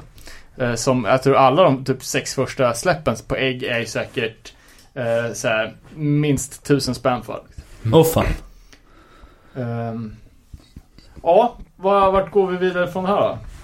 Jo, eh, jag eh, tänkte väl... Eh, mm, ja, eh, kolla lite. Jag, eller jag var ute och kollade lite på hur det ser ut i Sverige med den här musikscenen idag. Liksom, eh, kan man ta del av sådana här band live? Eh, och vi var ju inne på det här lite tidigare, att den här gruv, gruvpunken Ja. eh, är ett, av- ett av de större faktiskt. Men sen så har det faktiskt varit något som heter Frasses Fixarfest. Eh, som... FFF kallad. Ja, okej. Nej. det hittar jag på själv. Men det har varit en traditionsenlig festival i Svenljunga faktiskt. Vad heter det? Frasses Fixafest. Vad stället? Eh, alltså, alltså där Staden. det hålls. Svenljunga.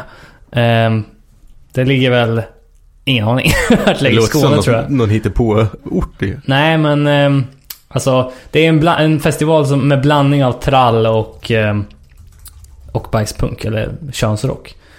Eh, men eh, jag kan säga att Sven, Svenljunga ligger utanför Borås. Eh, som ni vet. Eh, men eh, man har tidigare kört eh, 2014, då hade man De Lyckliga Kompisarna. Man hade Braincoats, Bottle Cap, Crocodile Kids. Ja, det är inget jag någonsin har hört talas om. Jag kan inte, de, de får inte ha engelska namn. Vad är det som händer? Ja, vadå? Det är väl inte helt eh, omöjligt. Eh, det finns väl många band som var med på, inte minst Äggröran, som, som hade eh, engelska bandnamn. Typ eh, Fucking Chaos och så vidare. Så att, eh, men eh, hur som helst, eh, det verkar inte finnas något sånt här riktigt. Alltså det är ju gruvpunken liksom. Eh, men inget, ingen samlingsplats på nätet för det här eller någonting sånt. Men vi får väl ta och requesta det här då. Att känner du till någonting mer om den svenska trallpunk slash könsrockscenen så... Kanske man skulle kunna kapitalisera lite på. Ja, jag vet ju bara att när Glöm det från Linköping var som mest aktiva så fick faktiskt Kai och deras, vad som nu har blivit någon slags maskineri där borta med, vad är det deras skivbolag heter? Gaphals. Eh, de hade ju en förmåga att sätta upp jävligt många sådana feta spelningar eh, i slutet av 2000-talet i Linköping. Men senare år har jag inte sett något så att...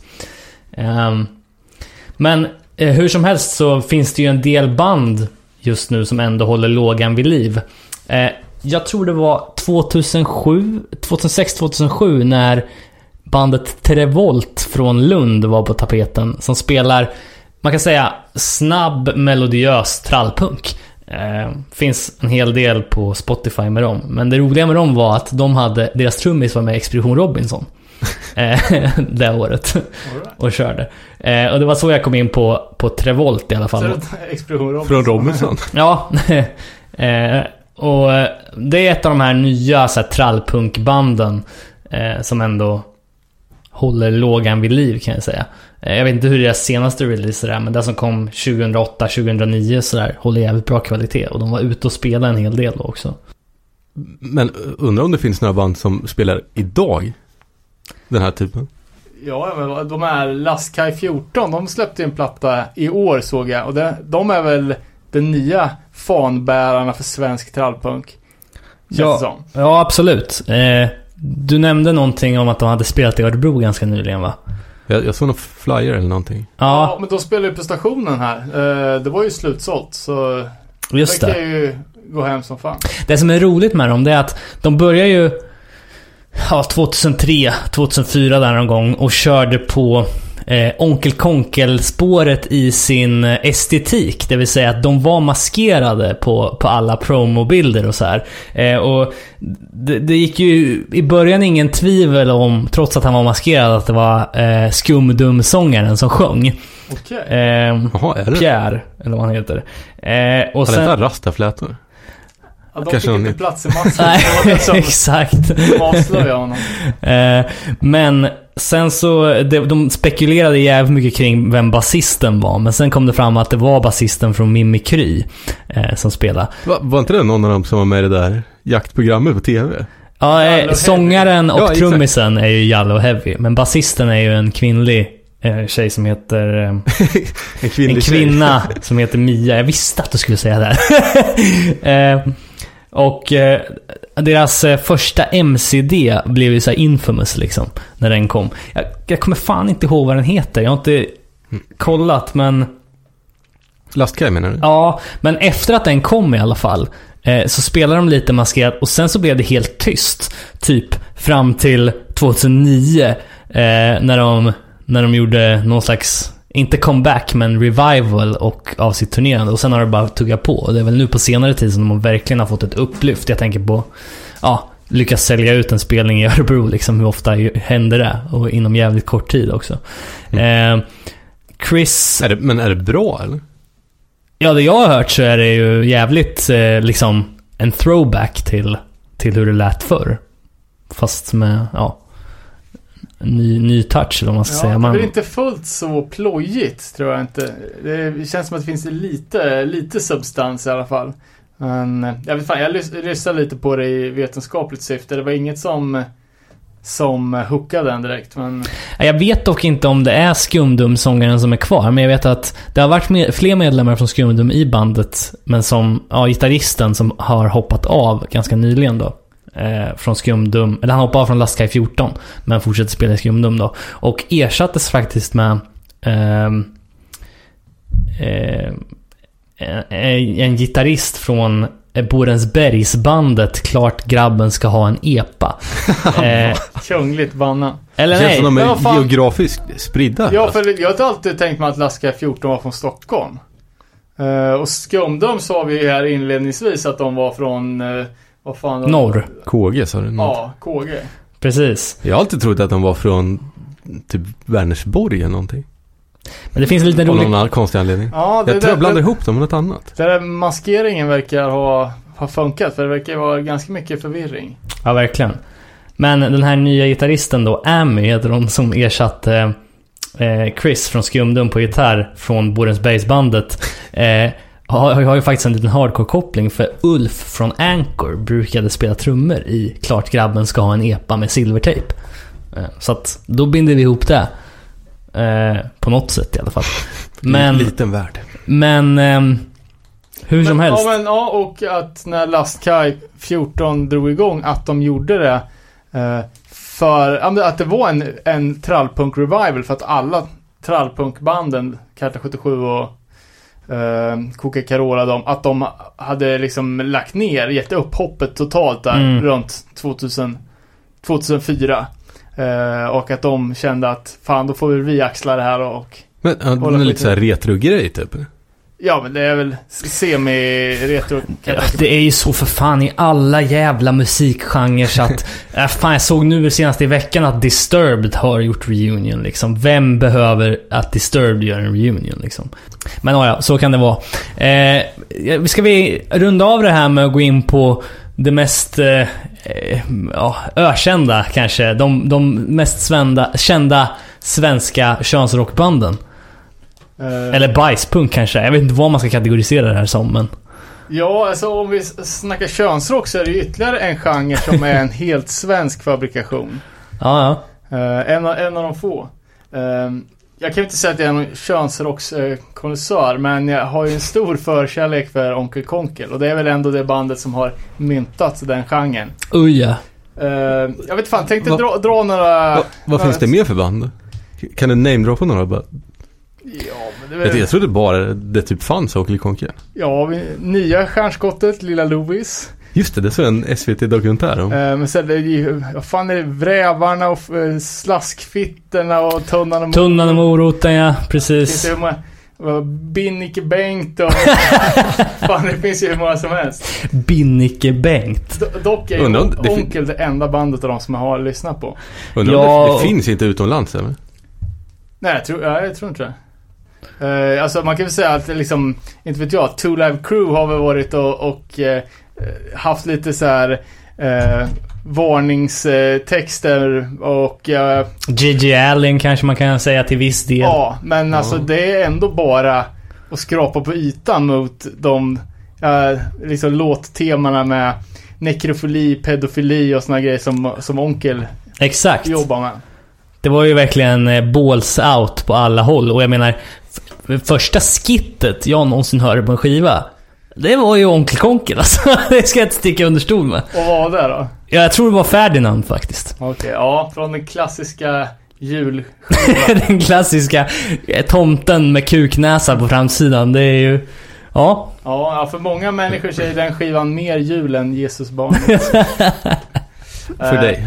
Ja, men man kan väl säga ganska, ganska lätt att säga att eh, Onkel Konkel är en vattendelare. Antingen älskar man det eller också hatar man det. Jag, ta mig fan, hatar det här. Eh, och jag är ju en av dem som älskar det. Eh, men till skillnad från dig David, så har jag lite belägg för mina åsikter. Du Ja, men det har jag också. ja, Ta dina först.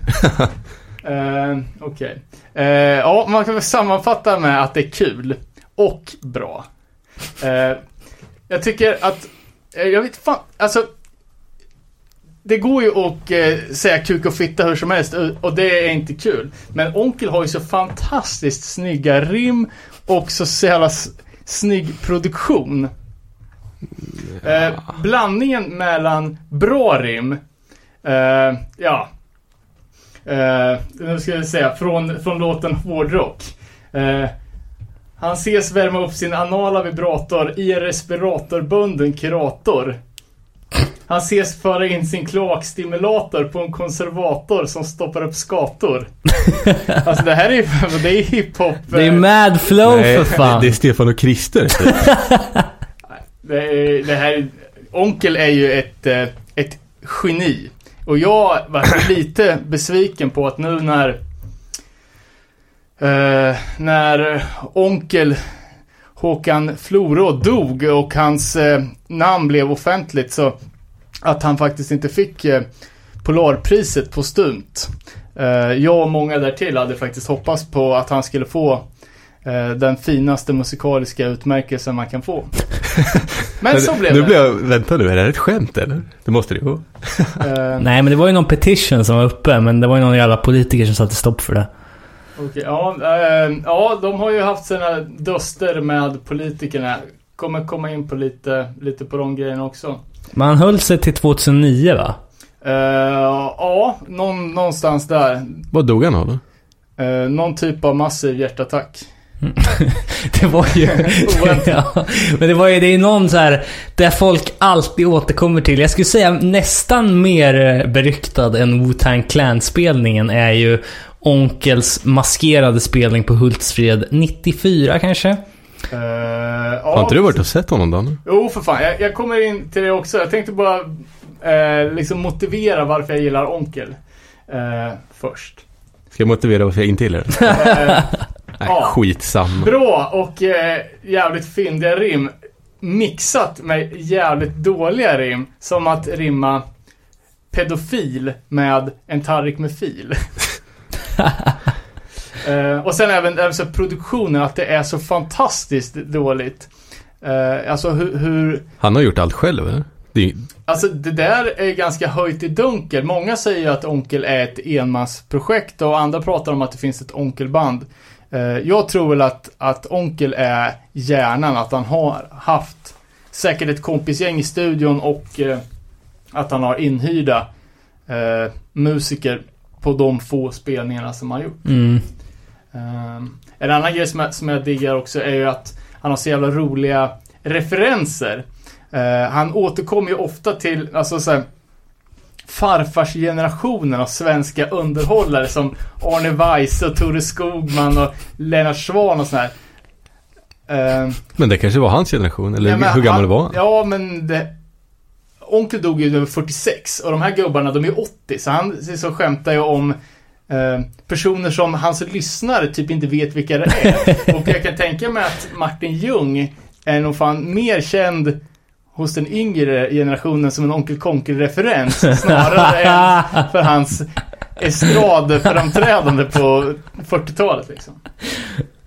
Fan vilken... Eh. Vad tycker du om Onkel då Robin? Jag älskar det. Jag tycker att det varit stilbildande och han är för fan en legend. Ja. Ja, men det behöver inte vara bra för det. Uh, och sen också, uh, han har ju jobbat jävligt mycket med att göra om, uh, ja men göra covers med egna texter och det kan ju anses som lite B. Men han har ju också gjort om musiken och fulat till det för, på ett jävligt snyggt sätt. Ja, men, men var... också att han har den här sköna mixen, han kör liksom Gör en Orup-låt följt av en Joy Division-låt följt av Sigge Fürst liksom. Ja. Uh, han, han, spelar ju på en så jävla bred uh, palett av sköna, sköna referenser. Men det var det jag ville säga också, att jag tror att Onkel Konkel har influerat fler svenska kulturyttringar än vad man tror. Till exempel rally på P3. Jag tror aldrig att de skulle ha fått för sig att göra det de gjorde med alla sina jävla covers om det inte hade varit för Onkel Konkel alltså. Nej, nej det är mycket, mycket möjligt och jag vet, alltså Onkel är ju ett um, Ja men en stor influens till många utan, alltså som jobbar långt utanför Alltså den typen. Mm. Uh, till exempel så var det ju en liten skandal uh, när Onkel vart Eller det var väl P3 rättare sagt som vart uh, anmälda i granskningsnämnden Efter att ha spelat Onkel-låtar. och då var det ju, vad heter han nu? Konstigt. Sivert Öholm. Nej, det var ju en snubbe från Hammerfall som hade den här musikguiden i P3. och han ja, talar väldigt varmt om Onkel och spelar upp tre låtar, bland annat Små strålar av sperma. eh, som, ja, som handlar om att våldföra sig på det nyfödda Jesusbarnet. Och det här landar väl inte riktigt, riktigt bra i moralpanik-Sverige så eh, Ja men många Sivert Öholm-figurer fick ju panik. Och jag. Eh, och jag hör, hörde även att eh, Att han har blivit stämd av jag vet inte fan vad det är för sanningshalt i det här, men att Hare Krishna i Sverige har stämt, stämt honom för hans eh, eh, eh, Onkel gjorde en cover som heter Iman Hutman Homo, som är en Povel Ramel-cover som handlar om eh, det är en jävla... Eh, ja, någon, någon indisk eh, pajsare. Eh, som håller på med, med självplågeri. Oh. Uh, och att, uh, att det vart en, uh, en att, att han varit stämd för, för den texten. och det är ju jävligt mycket grejer som, om nu den här stämningen från Hare Krishnas håll är, är ett rykte så är det ju verkligen ryktenas band. Alltså det finns nog fler olika rykten som florerar om Onkel än om något annat band. Mm -hmm. Låter du lite fundersam? Ja men alltså... Eh, ja, men jag kan, jag kan, rykten jag, jag och... Ja, jag skiljer på rykten och skrönor liksom. Ja men, men precis. Ja, det är ju mycket, mycket rykten och vandringssägner. Eh, men den kanske kändaste eh, kändaste onkelryktet är att Onkel Konkel skulle vara den eh, fruktade bajsmannen. Ah. Eh, som eh, härjar, eller härjade framförallt på Hultsfredsfestivalen. Mm, mm. och som spred skräck genom att välta bajamajor på folk. Eller... Smörjde han inte in sig med bajs och eller, jagade folk och grejer? Ja, exakt. Att dyka upp ur en bajamaja när en Fy fan. besökare minst anade så kunde han komma där. Uh. Eh, men när jag forskar lite i det här så visade det sig att uh, Bajsmannen är faktiskt uh, inte Onkel Konkel utan en annan könsrockare som heter Onkel. Jaha. och det är Roy Rövmun. som har tagit sitt namn Onkel som en hyllning till Onkel Konkel. Eh, och Roy Rövmun chillar med ett band som heter Binnike Bengt. Ah. Mm. Eh, eh, Mer skrönor. Mer skrönor, ja. Sen en, en grej som jag hörde ganska tidigt var ju att eh, det var många som trodde att Anders Lundin var en i Onkel Kongus kompband, nämligen Epilepsi-Kurt. Eh, och Anders Lundin är väl, han är mest känd för att ha haft Allsång på Skansen. Ja, exakt. Det där ryktet har jag också hört faktiskt. Var inte han någon typ av barnprogramsledare och såna här grejer? Jo, men, precis. Ja, att folk eh, sa det, men att han i sitt barnprogramlederi så höll han på med mycket barnmusik och gjorde mycket hu- humoristiska låtar. Mm. Ehm, jag har inte riktigt fått någon klarhet i det här. Ehm, Anders Lundin är 58. Är född 58. Och Onkel var väl då född, ehm, ja men typ, alltså de är ungefär jämngamla. Mm. Ehm, ja, jag har inte riktigt fått någon mer klarhet i det. Den, riktigt. den där skrönan är inte... Vad säger de i Mythbusters? Den, är, den skulle kunna stämma. Ja, ja, den är inte busted i alla fall. Highly plausible brukar vi säga. Eh, Ett, annat, ett annat rykte som är busted, det är ju att Onkel Konkel skulle vara från Örebro. Jaha. Var var ni ifrån då? Eh, ja, det visade sig sen då. Eh, onkels eh, identitet var ju... Han lyckades ju hålla det hemligt under hela sin karriär. Mycket beroende på att han... Han spelade ute... Spelar så lite live. Mm. Eh, men om jag inte sa det så är han från Kalmar, visade det sig. Just det. Eh, och det var ett rykte som, som många supportar också för att han refererar till mycket ortsnamn i den regionen i sina låtar. Eh, och att han skulle vara från Örebro då. Eh, mycket som pekar på det då att eh, Onkel Konkes första lå- låt som de släppte på samlingsplattan Svenska tonårsgrupper. Jävla bra namn. Ja, Eh. Nasse Penis i Fyrens anus. som faktiskt blev en av hans största hitlåtar. Eh, med på den plattan då så är det mycket Örebroband. Eh, till exempel Karl Smal och hans bantartips. Sara Kaufman, Adolfs gossar och, och eh, några till. Eh, men jag har fan för mig att jag har sett Onkel Konkel-affischer om spelning i Örebro när jag var liten pojk. Fan. Eh, men jag vet inte. Men det där är nog ett rykte som har gått i varje stad. ah, ja, för fan. Det Jo, tror jag också. Här, Det måste ju vara- det måste ju vara- Ja, Jag tror att eh, det är säkert många också som är precis som du är David, att om man inte har exponerats för konkel under sin barndom så har man nog svårt att fatta vad grejen är.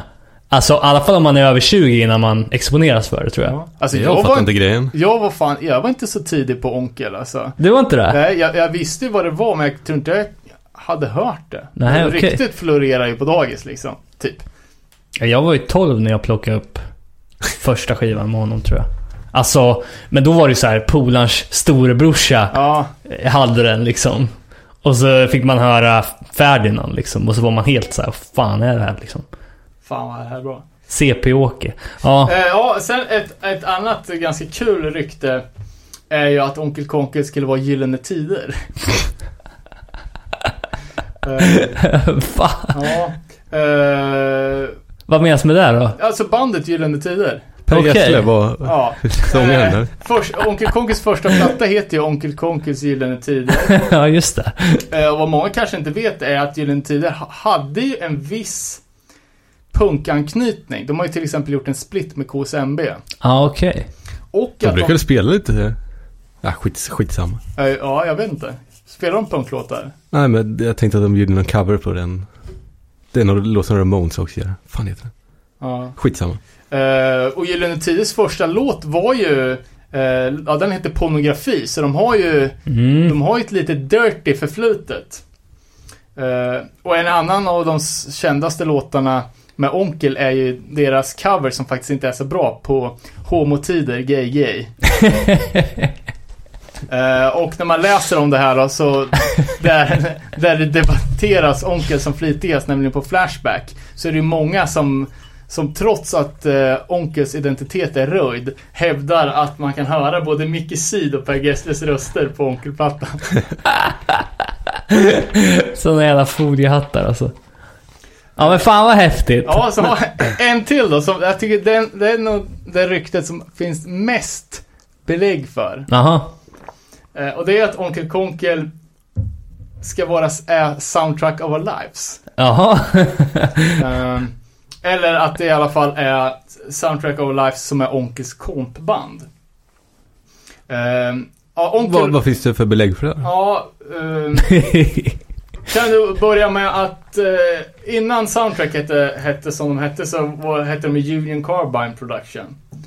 Eh, och de spelade före ehm, Onkel Konkel på den här ökända Hultsfredsspelningen.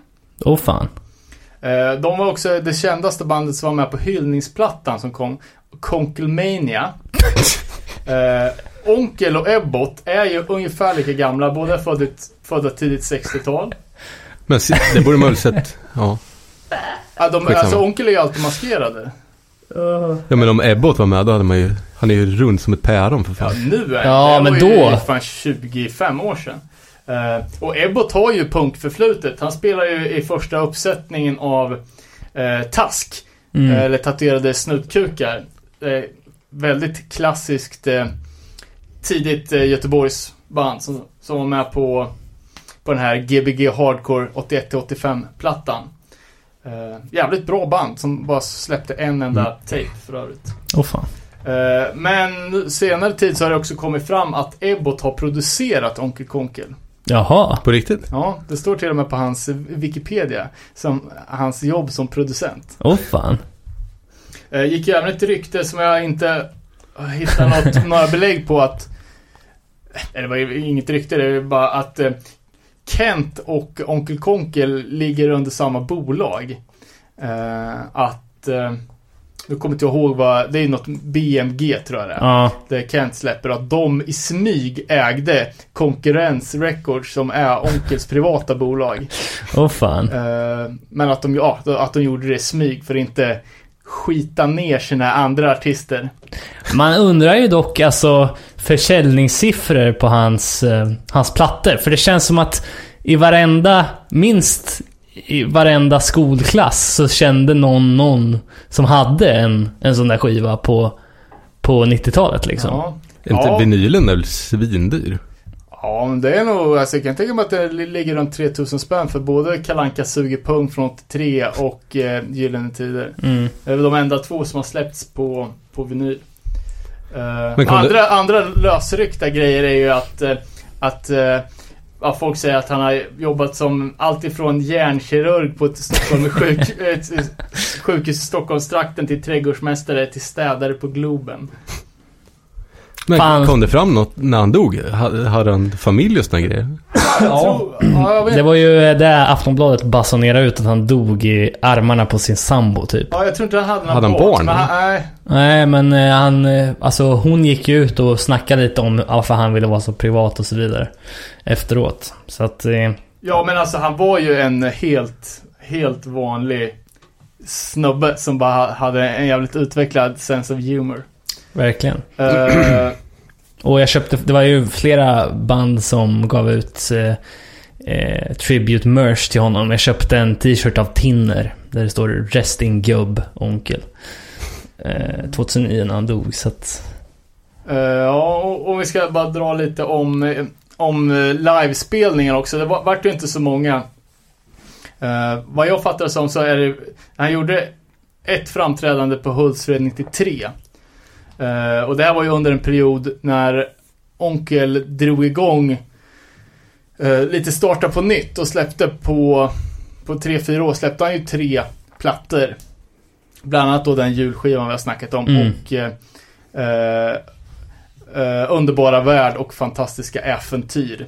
Som jag tycker är hans absolut bästa platta. Men då efter den här spelningen på Hultsfred som ändå var liksom det stora musikeventet i Sverige på den tiden. eh, Så fick han ganska mycket skit för att han hade haft utvecklingsstörda på scenen. Eh, Det, är någon, någon snubbe som står och drar vitsar och jag tror han hade även några utvecklingsstörda dansare på scen. Eh, och att folk, ja men, typ inte tyckte det var riktigt schysst att eh, lyteskomik liksom. Nej, exakt. Eh, Det behöver ju inte ha varit i och för sig. nej, alltså, alltså Onkel det är ju så jävla over the top sjukt så man får ju ta allting med tre nypor. Ja, verkligen. Eh, och faktiskt, jag hade ju den stora förmånen att få se en av eh, Onkel Konkels spelningar. Han gjorde en tre, tre dagars turné i Spelade i KB i Malmö, Göteborg och sen Nalen i Stockholm.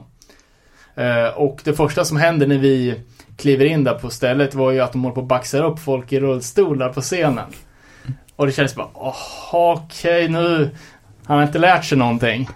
Eh, men det var ju bara vanliga onkelfans som ville se bra liksom. Jaha. Eh, annan, annan skön snubbe som vi träffade vi var ganska tidiga, eh, samlades på, på Hötorg, skulle mötas upp lite folk. Eh, och eh, fram kommer en legendarisk eh, Stockholmspunkare som jag tror nog kan vara med i den här Punkilandia dokumentären. Eh, enbent pajsare som, som kallas för Stumpen. Eh, och han kommer där full och, och glad och pratsjuk och går fram till oss och bara babblar och ah, ska ni på konkel och så här grejer. Eh, och han var inte det fräschaste man har stött på i sina dagar så vi vill hålla lite avstånd från honom. Eh, sen väl innan när giget är igång så bara upp på scen, eh, dra av sig sin benprotes och brallorna och stå på scenen och vifta med protesen och göra helikoptern liksom. Eh, och vi stod ganska långt fram till vänster så här. Och så får han se oss. Så bara, Åh, det där känner jag igen. Och ska diva på oss. och vi flyr ju som råttor där för vi tar hans otvättade kön i ansiktet. Inte ens på en onkelspelning. Var spelningen bra eller? Svinbra. Nej, det var jävligt kul. Eh, Fan vad nice. Ganska kul grej också att eh, när han körde Nasse Penis i Fyrens anus så fick han ju presentera låten med att eh, ja, nu, nu eh, för, tiden får man inte säga Sig Heil längre. Så eh, nu, sä, nu säger vi Stig Geil. Det är tyska och betyder Stig Kåt. Va? Alltså, ja. Han, man får ju igenom att han... Alltså, någonstans så skiner ju det poetiska i honom igenom när man hör sådana där historier liksom. Att han ändå... Han var ju passion, passionerad för sitt hantverk i alla fall, det får man igenom. Liksom. Ja, jag tror alla som har, har försökt att sätta sig in i det kan se att det finns eh, är jävligt... Eh, där han är jävligt smart och han har Ja. är jävligt skicklig. Där fattar jag också. Jag fattar allt det. Jag blir, jag blir inte speciellt stött heller. Jag tycker bara inte att det är roligt. Men du har ju aldrig hört det. Jo, det har det, det är bara, ja. Det, det, Ja, men... Grund och botten, det är inte speciellt kul. Ja, men det är bra, vi behöver- Nu, nu, har jag, nu har jag dragit min, min analys för varför det är bra. Och nu vill jag höra Davids analys för varför det inte är bra. Det fick du där lite kort. Det är inte jag, jag tycker bara inte att det är roligt. Okej. Bra! Då är vi klara för den här veckan. Ja, folk, folk får ju gärna komma med kommentarer här nu. Är ni för eller mot onkel? Precis. Det är som Dr. Pepper eller med smör. Antingen är man för eller också är man emot. Precis. Antingen så älskar man det eller så hatar man det. Eh, Eller så älskar man och hatar det. ja, exakt. Eller så hatar man och älskar det. eller så bara hatar man som du David. Eh, ja. Men... Eh, Bara en liten notering här som jag såg i mitt anteckningsblock här. Eh, När vi snackade om egg tapes och jag var även inne på huruvida det är okej att säga vissa saker och inte. mm, Eh, Så även att Egg Tapes gav ut Moderat likvidation kassett som hette Antifag. Okej. Eh, kan man ha i åtanke med, med, med tanke på hur lite skit de har fått för det. Ja, verkligen. Eh, och eh, hur, Och hur många som peppar dem Ja, hur- och hur- inte reagerar på... Eh, hur de värsta PK-krustarna Ja, vill ha moderat likvidation skrivet på sin paj. Men vad, vad var grejen? Är de öppet homofober eller? Ah, Jag vet inte, de eh, slätar väl över det på ett ganska... Ungefär på, på lika bra, bra resonemang som Winnie Pass slätar över sin, sin homofobi i Petri Soul. Så eller Lars Winnerbäck eh, försöker dölja sin nazistkoppling som vi alla känner till. Vänta, vänta nu. ja, det här kan jag ju lägga upp för eh, Skelett i garderoben avsnitt. Ja, verkligen. Det vore kul. Jävla cliffhanger. Eh, men vi tackar för, eh, för den här veckan då. Eh, länka era favorit onkellåtar på vår Facebook eller eh, övrig könsrock som ni peppar. Och sen, vi är tillbaks när vi är tillbaks helt enkelt. Va- vad ska ni göra i helgen? Nästa vecka. Vad ska ni göra i helgen? Eh, jag ska fan på skate och golftävling. Ja, gött. David? jag skulle också åkt dit men nu har det... Kanske jag måste vara hemma med en hund ser du. Ta med hunden. Själv ska jag lyssna på Onkel Konkel. Vi hörs. Peace. Hej.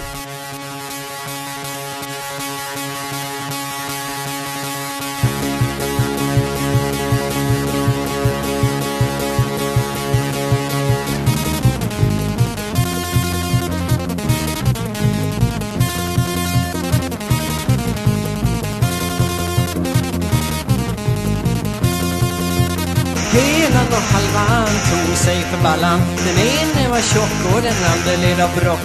Den ene var dum, den andra hade pung. Tillsammans var det paret som Fys på varandra, runkade tillsammans. Tog varann i stjärthållet, sög sina kön och bön. Helan och halvan gned sig på stjärthalvan Halvan och helan ville stjärten dela. Helan tog den ena halvan och halvan tog den andra stjärthalvan Men det som var däremellan vi surade hem och röjde och torkad skit. Det ville ingen ha men det fick de båda två. Ty det var ju paret så. Fes på varandra, runkade tillsammans Tog varann i stjärthållet, sög sina kön och bad en bön.